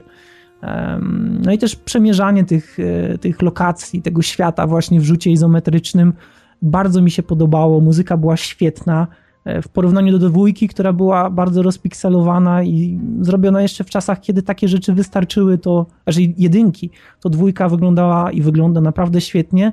I cholernie się cieszę, że dostałem ją za darmo, bo kiedyś, bo kiedyś po prostu była taka promocja, że dla każdego użytkownika, który dokonał kiedyś jakiegoś zakupu na Greenman Gaming, to e, złota edycja Disciples 2 dodana e, w promocji, czy tak jakby w podziękowaniu i po prostu dumny jestem z tego, że posiadam. E, do tej pory uwielbiam patrzeć na, na to, jak wyglądają te jednostki e, i pamiętam, że jeszcze takie, takie wspomnienia, kiedy grałem razem z kolegą właśnie na Disciples 2, na takich gorących pośladkach, jak to można nazwać. Tak, przecież to było znalazł... w polskiej wersji Heroesów trzecich. Tak, tak, dokładnie tak. To on znalazł postać, która się do niego przyłączyła i to był bezimienny krasnolud, który był cholernie silny, e, i zniszczył mnie po prostu w kilku turach i do tej pory mam uraz do tej konkretnej kampanii, bo wiem, że ten cholernik tam siedzi i czeka, tak więc e, to są rzeczy, które fajnie się wspomina po latach, że, że mimo wszystko ta gra zapada w pamięć. Myślę, że Disciples 2, jeśli ktoś nie zna, to powinien koniecznie sprawdzić. Nie wiem, nie wiem, czy to, jeśli ktoś nie miał do czynienia wcześniej z tą serią, czy teraz mu przypadnie do gustu, bo moim zdaniem teraz cała ta mechanika, że na przykład jednostki są się w stanie okładać po dziobie i nawet się nie poruszać, e, jest trochę toporna. E, myślę, że tak, ale wiesz, tu też mówimy o grach, które jednak e, sięgają trochę lat wstecz, tak więc. No tak, kto wie nawet, Myślę, czy tutaj... teraz Disciples nie, nie będą właśnie do dorwania na Giermaszu organizowanego przez CD Projekt, bo ja pamiętam, że grę w dwóch edycjach kupiłem e, w Extra Klasyce kiedyś, za, który właśnie, by... za którą odpowiadał CD Projekt. To by było świetnie, naprawdę. Ja, ostatnia moja próba podejścia do Disciples yy, była dosyć bolesna, bo nie udało mi się za bardzo cokolwiek dalej w tej grze wymyślić. Nie wiem, jakim cudem nie umiem w to grać, ale było to dzięki uprzejmości Iroxa, który po prostu podzielił się ze mną e, tym, tą różę grą, bo mają na Good Old Gaming, nie? Na Go. Mhm. No, no, tak, dobra, jest no trudna, to... tak mi się wydaje. I z, może się wydawać początkowo trudniejsza od Heroesów. Mm, zresztą dużo graczy, e, mających do czynienia z Heroesami trzecimi, nie dostrzega tej głębi, o której Odiński wcześniej wspominałeś. Naprawdę tam jest multum zagrań i moim zdaniem to jest bardziej skomplikowana e, gra od Disciples, bo większość graczy zna Heroesy jako mm, rozgrywki z komputerem, gdzie po prostu rozwijamy się, tak, gdzie... gdzie... rozwijamy mhm. się do Kapitolu, żeby sobie ekonomię zrobić, tak, a potem potem... A potem wyjeżdżamy naprzeciwko siebie i po prostu pierem, pieremy się po ryjach. Tak, zbieramy pieniążki na jednostki i jest fajnie, a to tak nie działa. W starciu z realnymi graczami e, na multiplayer naprawdę e, istnieje masa różnych zagrań i masa głębi w tej grze. No też można się wyjątkowo mocno rozczarować, jak e, twój przeciwnik posiada tylko skrawek armii, którą, którą ty posiadasz, a jest w stanie zająć prawie całą mapę ty dopiero co gromadzisz jakieś jednostki i po swojej ostatniej walce dopiero liżesz rany, a on już tak naprawdę wjeżdża, wjeżdża ci do miasta i to są sytuacje, które bolą zdecydowanie, niestety. Heroes 3 potrafił udowodnić, że niewiele wiesz o grze i że jednak zostaniesz za to ukarany. No dobra, co do, co do to mi się wydaje, że to jest kolejny przykład, który pokazuje, że nie warto w serii gier zmieniać diametralnie mechaniki, nie, nie warto na siłę wprowadzać czegoś nowego. Tutaj mamy kolejny przykład, Trójka. gdzie e, tak, chodzi o trójkę właśnie, gdzie nowy deweloper wziął się za zrobienie gry i chciał, chciał chyba aż za dobrze, bo przekombinował. Ale wiesz co, to generalnie siła przekombinowania i, i stare przysłowie mówiące, jeżeli coś nie jest zepsute, nie próbuj tego naprawić na, si na siłę, pokazują właśnie... No tak, zwycięskiego składu się nie zmienia. No, ale jeszcze wracając w ogóle do tematu, od jakiego zaczęliśmy, sequele przesłaniające oryginał. Jak widać naprawdę mamy duży problem znaleźć coś innego, bo i tak kończy się nad rozdrabnianiem szczegółów klasyku. No to ja rzucę, to ja rzucę przykład. E, Hitman. No, zdecydowanie. Blood Money ponad wszystko. To większość słuchaczy się tu chyba zgodzi. No, ale co myślicie w takim wypadku, skoro już ustaliliśmy i chyba nawet nie trzeba o tym specjalnie dyskutować, że, e, że Blood Money jednak jest e, najlepszą e, częścią z tych pozostałych chyba czterech, dobrze pamiętam? Czterech. Jeżeli liczymy kontrakty, to czterech. Czterech części, to co w takim wypadku z Absolution? Absolution wydaje mi się, że, że, to jest, e, że to jest taki, taki e, przypadek, który można przyporządkować też e, trochę do X-Koma. Że obie gry są dobre i... Wiesz co, Absolution jest akurat właśnie dobrą kontynuacją, ale niewystarczającą, żeby ludzie zapomnieli, fani Hitmana, Blood zapomnieli o nim, bo mimo wszystko y, nie porównywałbym tego do XCOMa, który dla wielu osób również nie jest ani dobrą kontynuacją, ani dobrym remake'iem. Tutaj jednak chórnie usłyszymy, że to jest dobre hitmańsko, ale mimo wszystko no Blood Money dalej trzyma po prostu palmę pierwszeństwa, nie? A w przypadku X-Koma tu są głosy bardziej podzielone, więc nie stawiałbym tego w ten sposób. Tylko nazwa hmm. Absolution po prostu dobrą kontynuacją. No, myślę, że, myślę, że masz rację. Ja, ja, ja tutaj mogę jeszcze rzucić taki przykład e, Final Fantasy, bo widzę, że nikt tutaj nie wyszedł jakby z inicjatywą.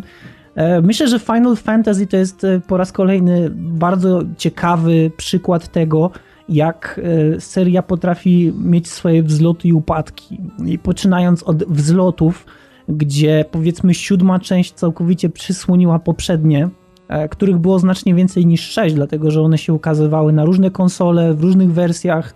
E, ogólnie chronologicznie to jest strasznie popaprane, jeśli chodzi o nazewnictwo Final Fantasy. Potem mieliśmy ósemkę, która dla wielu ludzi jest e, czymś ciekawym, tak? Jest na pewno grą, w którą można grać, która może przyciągać, która może się podobać.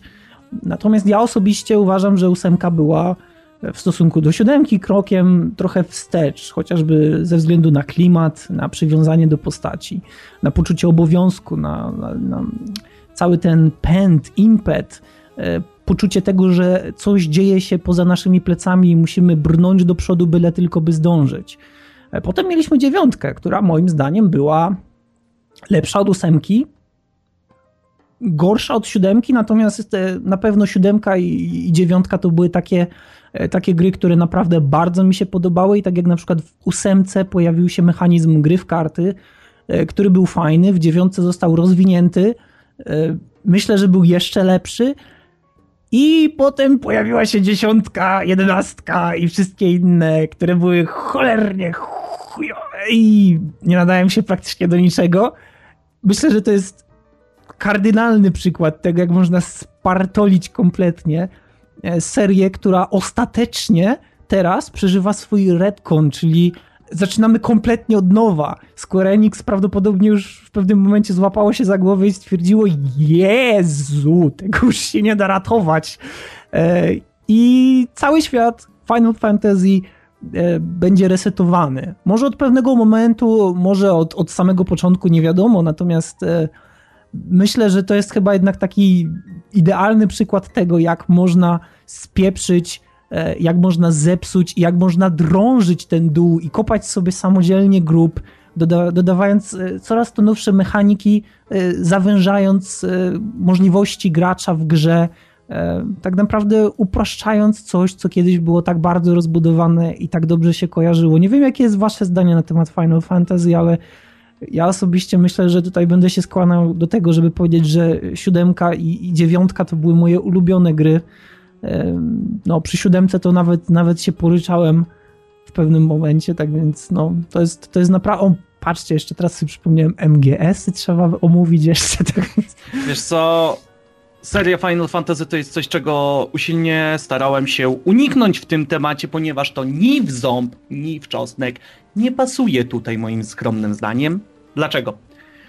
Eee, jak dotąd dochodzę do wniosku, że seria Final Fantasy jest serią, która ma największy rozstrzał w rodzaju fanatyków gry.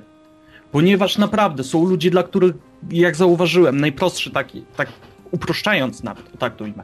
Są ludzie, którzy jarają się tym do szóstki, są ludzie, którzy jarają się tym do dziewiątki włącznie, są ludzie, którzy, którym podoba się wszystko, a mamy też tą bandę ludzi, którzy znają tylko 7, 8, 10, 13, 13, 2, a i 10, 2 i o Boże, jestem fanatykiem, a i tak gwarantuję ci, że można to rozstrzelić zbyt mocno. Trzynastka, chcąc nie chcąc, sprzedaje się cholernie dobrze i nie można tego nazwać jednoznacznie failem, ponieważ dalej ma ona taką grupę odbiorców, że jeszcze zobaczymy 13.3 jakimś cudem.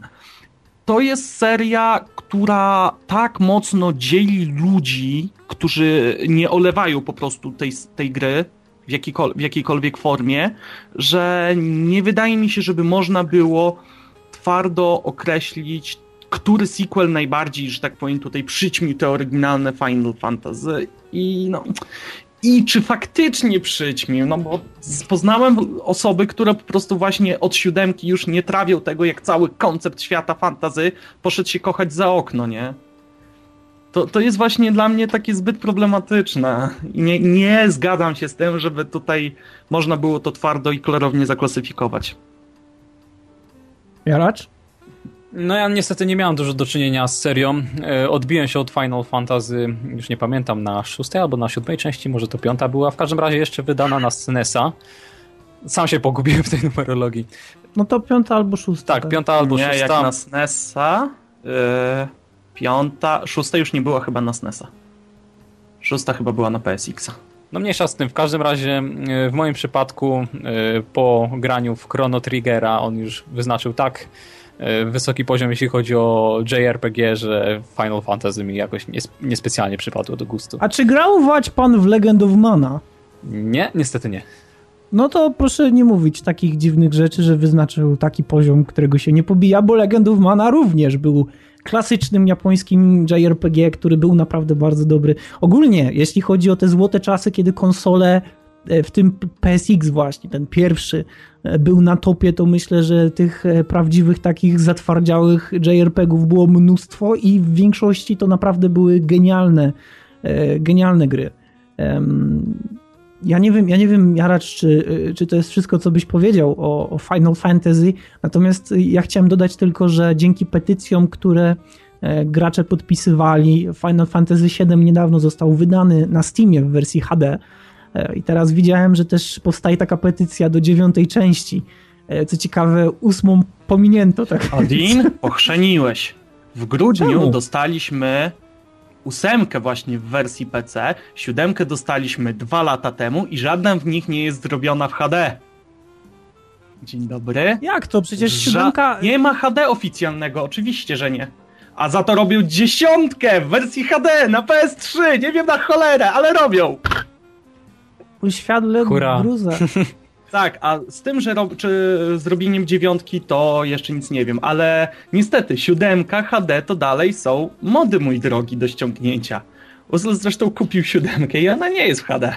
Ona jest po prostu przystosowana do obsługi y, wyższych rozdzielczości i tak dalej, nie?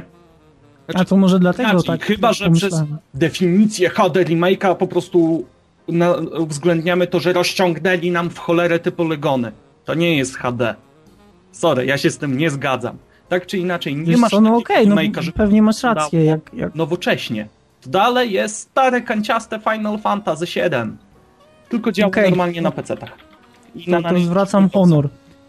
E, no tak czy inaczej... E, I ósemka, to... jak mówiłem, wyszła w grudniu mhm. ubiegłego roku. Tak, wyszła wcześniej, rozumiem. E, to, to, to, to, tak, to już jest jasne. Tak więc e, może dlatego nie było petycji, e, nie było petycji pod ósemkę, bo ona już była. No tak czy inaczej teraz jest pod dziewiątkę. Więc no, mam nadzieję, że dziewiątka zostanie przeniesiona, bo siódemka i dziewiątka to są jedne z moich ulubionych finali, o ile nie jedyne ulubione. No, ponoć, ponoć był też taki niszowy Final Fantasy Tactics, E, nie wiem, czy gra w czas możesz coś na ten temat powiedzieć A, dla mnie. Grałem, jedna z ulubionych gier. wywalił mi się emulator. Tak, Final Fantasy Tactics to jest e, taki typowy przykład e, gry, w której masz tak naprawdę od początku do końca e, walkę turową przerywaną cutscenkami. To jest w settingu w Final Fantasy, o ile to można tak ująć, bo to wiadomo, Final Fantasy to jest każdy setting sobie a sobie, praktycznie. Czobosy! Tak. E, tak czy inaczej w grze za daleko nie zaszedłem, ale e, grałem i to konkretnie w wersję PSX-ową polecam, jeżeli już się zaznajomić, za namową kolegi i wow, ta gra faktycznie jest trudna, bo słuchajcie, misję, która była po tutorialu robiłem chyba na cztery podejścia, czułem się jak skończony idiota. Tam Gdzie idąc, Final Fantasy... ma pierwsze 3-4 misje, trzaskam na pstryk, jeb, hop, bumc, nie, nie ma, rozwalone. A tu ty siedzę, restart, restart, restart, restart. Bo nagle okazuje się, że drużyna, którą spotykasz ma dokładnie takie same możliwości jak ty. O... Nie, najlepiej jest jeszcze jak na samym początku gry pojawiają się złodzieje płci żeńskiej, którzy potrafią oczarować twój zespół facetów dzielnych facetów, którzy nagle zaczynają się odwracać i prać twoich ludzi albo siebie nawzajem. Aż tak, tak czy inaczej, Final Fantasy, Final Fantasy Tactics E, jeśli kiedykolwiek ktoś z Was będzie w stanie sprawdzić, to, to naprawdę polecam, bo, bo gra jest genialna. Ja myślę, że jeszcze warto powiedzieć o MGS-ach, e, że ja przynajmniej osobiście uważam, że jedynka była e, jedynka była tym definitywnym MGS-em dla mnie i każdy kolejny już nie był tak dobry. I tutaj akurat sequel sequel, sequel no, nie przyćmił jednak tych, tych pierwszych części, a wydaje mi się wręcz, że z części na część gra robiła się coraz gorsza. Chociaż z drugiej strony wielki konkurent MGS-a kiedyś, bardzo dawno temu, e, czyli tak zwany Splinter Cell, który e, w czasach, kiedy pojawiła się jedynka, był bardzo często porównywany właśnie z MGS-em. Myślę, że z części na... Słucham? Dalej nie uznaję tego pojedynku, jest bez sensu. No, ale ja pamiętam jeszcze jak na forum właśnie Eło. Outer Heaven i potem Zanzibaru były takie tematy, się ciągnęły się bardzo długo. Um, tak czy inaczej, ja myślę, że, że, że Splinter Cell rozwija się, można powiedzieć, w dobrym kierunku i um, Chaos Theory było, można powiedzieć, takim rozkwitem tej części, mimo że wiele rzeczy mi tam przeszkadzało, w tym wszechobecnym rok, to, e, to z drugiej strony mamy ten blacklist, który mimo że nie ma Michaela Ironside'a, to nadal jest dobrym Splinter Cellem. Mm, tak więc ja myślę, tak oczywiście tutaj ucinając siebie, ale nie mówię, że wy musicie kończyć, e, wręcz zapraszam, żeby tutaj gadać dłużej, e, to ja myślę z mojej strony e, takie podsumowanie, że myślę, że ciężko jest znaleźć teraz sequele, które naprawdę potrafią całkowicie zatrzeć pamięć o, o tych pierwowzorach, że pozoru wydaje się to dość proste i znaleźć takich przykładów e, nie jest aż tak ciężko, ale kiedy się nad tym zastanowić, to nagle okazuje się, że jednak e, zaraz, zaraz, tak naprawdę w historii gier nie było aż tak dużo sequelów, które były jednoznacznie na tyle dobre, żeby całkowicie, całkowicie zatrzeć pamięć o tych, o tych pierwowzorach, właśnie tak jak powiedziałem. Ale panowie, jeśli mielibyście podsumować, wymienić dwóch najlepszych kandydatów, którzy właśnie mogliby aspirować do tytułu e, najlepszego sequelu, to co byście wymienili? Takiego sequelu przysłaniającego? Devil tak, May tak. 3. Z mojej strony. Odin? Jezu, ciężkie pytanie. Naprawdę, ciężko jest mi odpowiedzieć. Ale taki jeden, albo dwóch. Albo trzech. Ty powiedz, a ja się zastanowię. Popatrzę sobie tutaj na swoją półkę z grami. A ty, Jara, czy to byś nominował? E, ja właśnie myślę, że Disciples 2 i Worms 2. E, jeśli chodzi o Heroesów, to co prawda dla mnie jest trójka najlepsza w serii, aczkolwiek e, istnieje dużo mm, rozmaitych głosów, które które uważają, że dwójka jest jednak tym ideałem, więc tutaj, tutaj nie ma jednomyślności, więc myślę, że Wiesz co, Heroesów odsunę na bok. Z Heroesami zgadzam się z tym odsunięciem, bo dużo osób tak się jara trójką, a tak naprawdę do jedynki i dwójki nigdy nie usiadłem na więcej niż 15 minut. Sam przyznaję się bez bicia, że jestem jedną z tych osób, ja tak naprawdę jedynki i dwójki nie rusz, nie, nie przesiadywałem jakoś tak więcej, żeby za, zagrać konkretnie parę map czy coś, nie? Nie miałem tak, tak dokładnie. Mam Niektórzy... okazję, bo stoją na półce, ale nie zrobiłem tego. Na tyle beznadziejny przypadek. Okej, okay. okej, okay. ja myślę, że mam. Ale nie jestem pewien. To znaczy, to muszą być dwa, mogę trochę więcej. Wal! Wal, no, dawaj. E, dobra, więc na pewno Batmany. E, seria Arkham szczególnie Arkham Asylum i Arkham City. Arkham City rozszerza Asylum praktycznie w każdym aspekcie i, e, i myślę, że to jest bardzo dobry przykład. Może nie całkowicie przyćmiewa, ale zdecydowanie należy, należy o nim powiedzieć, bo, e, bo jest naprawdę genialną grą. Jeśli chodzi o takie e, sequele, które zasłaniają całkowicie poprzednie części, to myślę, że w pewnym momencie w serii Sherlock Holmes, czyli takiej przygodówce point and click pojawiła się e, odsłona zatytułowana e, Sherlock Holmes versus Kuba Rozpruwacz, e, która tak naprawdę całkowicie ucięła pępowinę, jeśli chodzi o historię z poprzednimi odsłonami. Ja tak naprawdę nawet nie mam ochoty oglądać poprzednich części, bo wiem i jestem pewien, że wszystkie poprzednie, bo też zresztą oglądałem i sprawdzałem sobie, wszystkie poprzednie były grami, które nie mogły się z tą, z tą odsłoną równać pod żadnym pozorem. Teraz e, myślę, że jeśli chodzi też o rynek przygodówkowy, to kiedy mówimy o Broken Sword, czyli jedny, jednej z moich ulubionych przygodówek, e, to bardzo często jednak e, pojawia się taki moment, kiedy e, więcej osób pamięta drugą część niż pierwszą. I to nawet nie z własnego wyboru, tylko właśnie ze względu na to, że dwójka była jednak bardziej rozbudowana lub też miała więcej momentów, które łatwiej wpadały w pamięć, bo nie oszukujmy się, większość osób, jeśli zapytasz, a która ma jakiś kontakt z przygodówkami, to jeśli zapytasz ją o Broken Sword 1, to najprawdopodobniej przypomni sobie scenę z klaunem w Paryżu, który podbiega do restauracji i się detonuje. Znaczy detonuje, zostawia um, harmonikę, o ile dobrze kojarzę, czy prezent, już, już nie, nie, nie, za bardzo pamiętam, i, i odchodzi. Po chwili następuje wybuch, i to jest chyba jedna taka scena, która na pewno za, zapada w pamięć. Natomiast Natomiast więcej jednak pamięta się z dwójki. Um, ale ciężko, naprawdę jest mi ciężko znaleźć taki um, wyjątkowy, bardzo, bardzo taki twardy przykład. Może Fallout 2, który, który w porównaniu z jedynką był, był zdecydowanie lepszy. O, to i tak, dobre, dobre. Myślę, myślę, że...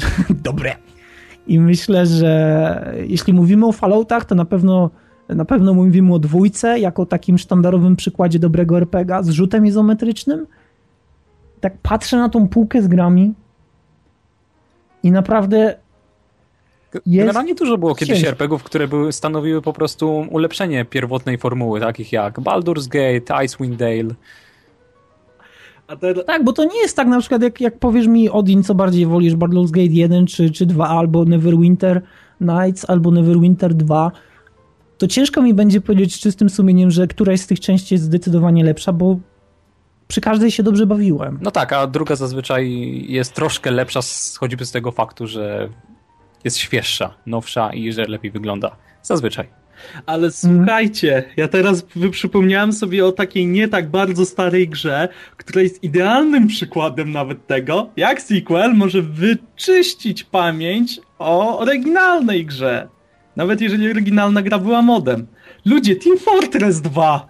Kto się przejmuje tym, skąd wzięła się ta dwójka w tytule? Liczy się tylko to, co jest teraz w Team Fortressie. No, w sumie. To jest chyba taki najbardziej sztampowy przykład, który jakimś cudem pominęliśmy przez ile? Pół godziny rozmowy na ten temat? Jak nie więcej? Oczywiście ja... można powiedzieć Team Fortress 2, bo czapki! ale już chciałem tego uniknąć. Tak naprawdę, no. Słuchajcie, Counter-Strike, mamy Global Offensive, 1.6 żyje. Half-Life 2 jest, Half-Life 1 też jest w pamięci graczy. Team Fortress 2, kto pamięta Wiem. o pierwszym TF-ie? Mam, przeglądając półkę Steamową, Portal 2. Jak mówisz Nie. Portal, to każdy myśli Portal 2. Nie. Tak? Nie zgadzam się. Jedynka mimo tak? wszystko by, była ważniejsza. Dwójka Cholera, po prostu była solidną kontynuacją i w cholerę prostszą. Szukam dalej i, i teraz właśnie odkryłem, że nie wiedząc skąd, posiadam na swoim koncie Steamowym Worms Blast, Worms Crazy Golf, Worms Pinball i Worms Ultimate Mayhem. Aha, uważaj, bo zaraz przywołałem je. czegoś, czego powinieneś... Wspominając o Wormsach. Ale skąd? Jezu, i mam nawet Worms Armageddon? Dobrze. Humble Bundle wiesz. Chyba za dużo, chyba już po prostu nie wiem, co kupuję. Okej, okay, ja myślę, że nie wiem, czy ktoś z was chce tutaj coś jeszcze dołożyć, ale myślę, że już zbudowaliśmy całkiem, e, całkiem pokaźny temat i dyskusja nadal pozostaje otwarta, bo jak się okazuje, jednak ciężko jest znaleźć konkretne przykłady.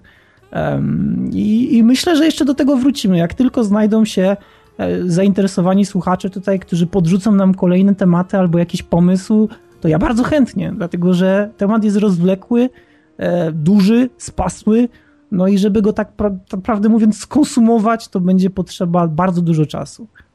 Zwłaszcza, że może się jeszcze przypadkiem rozwinąć.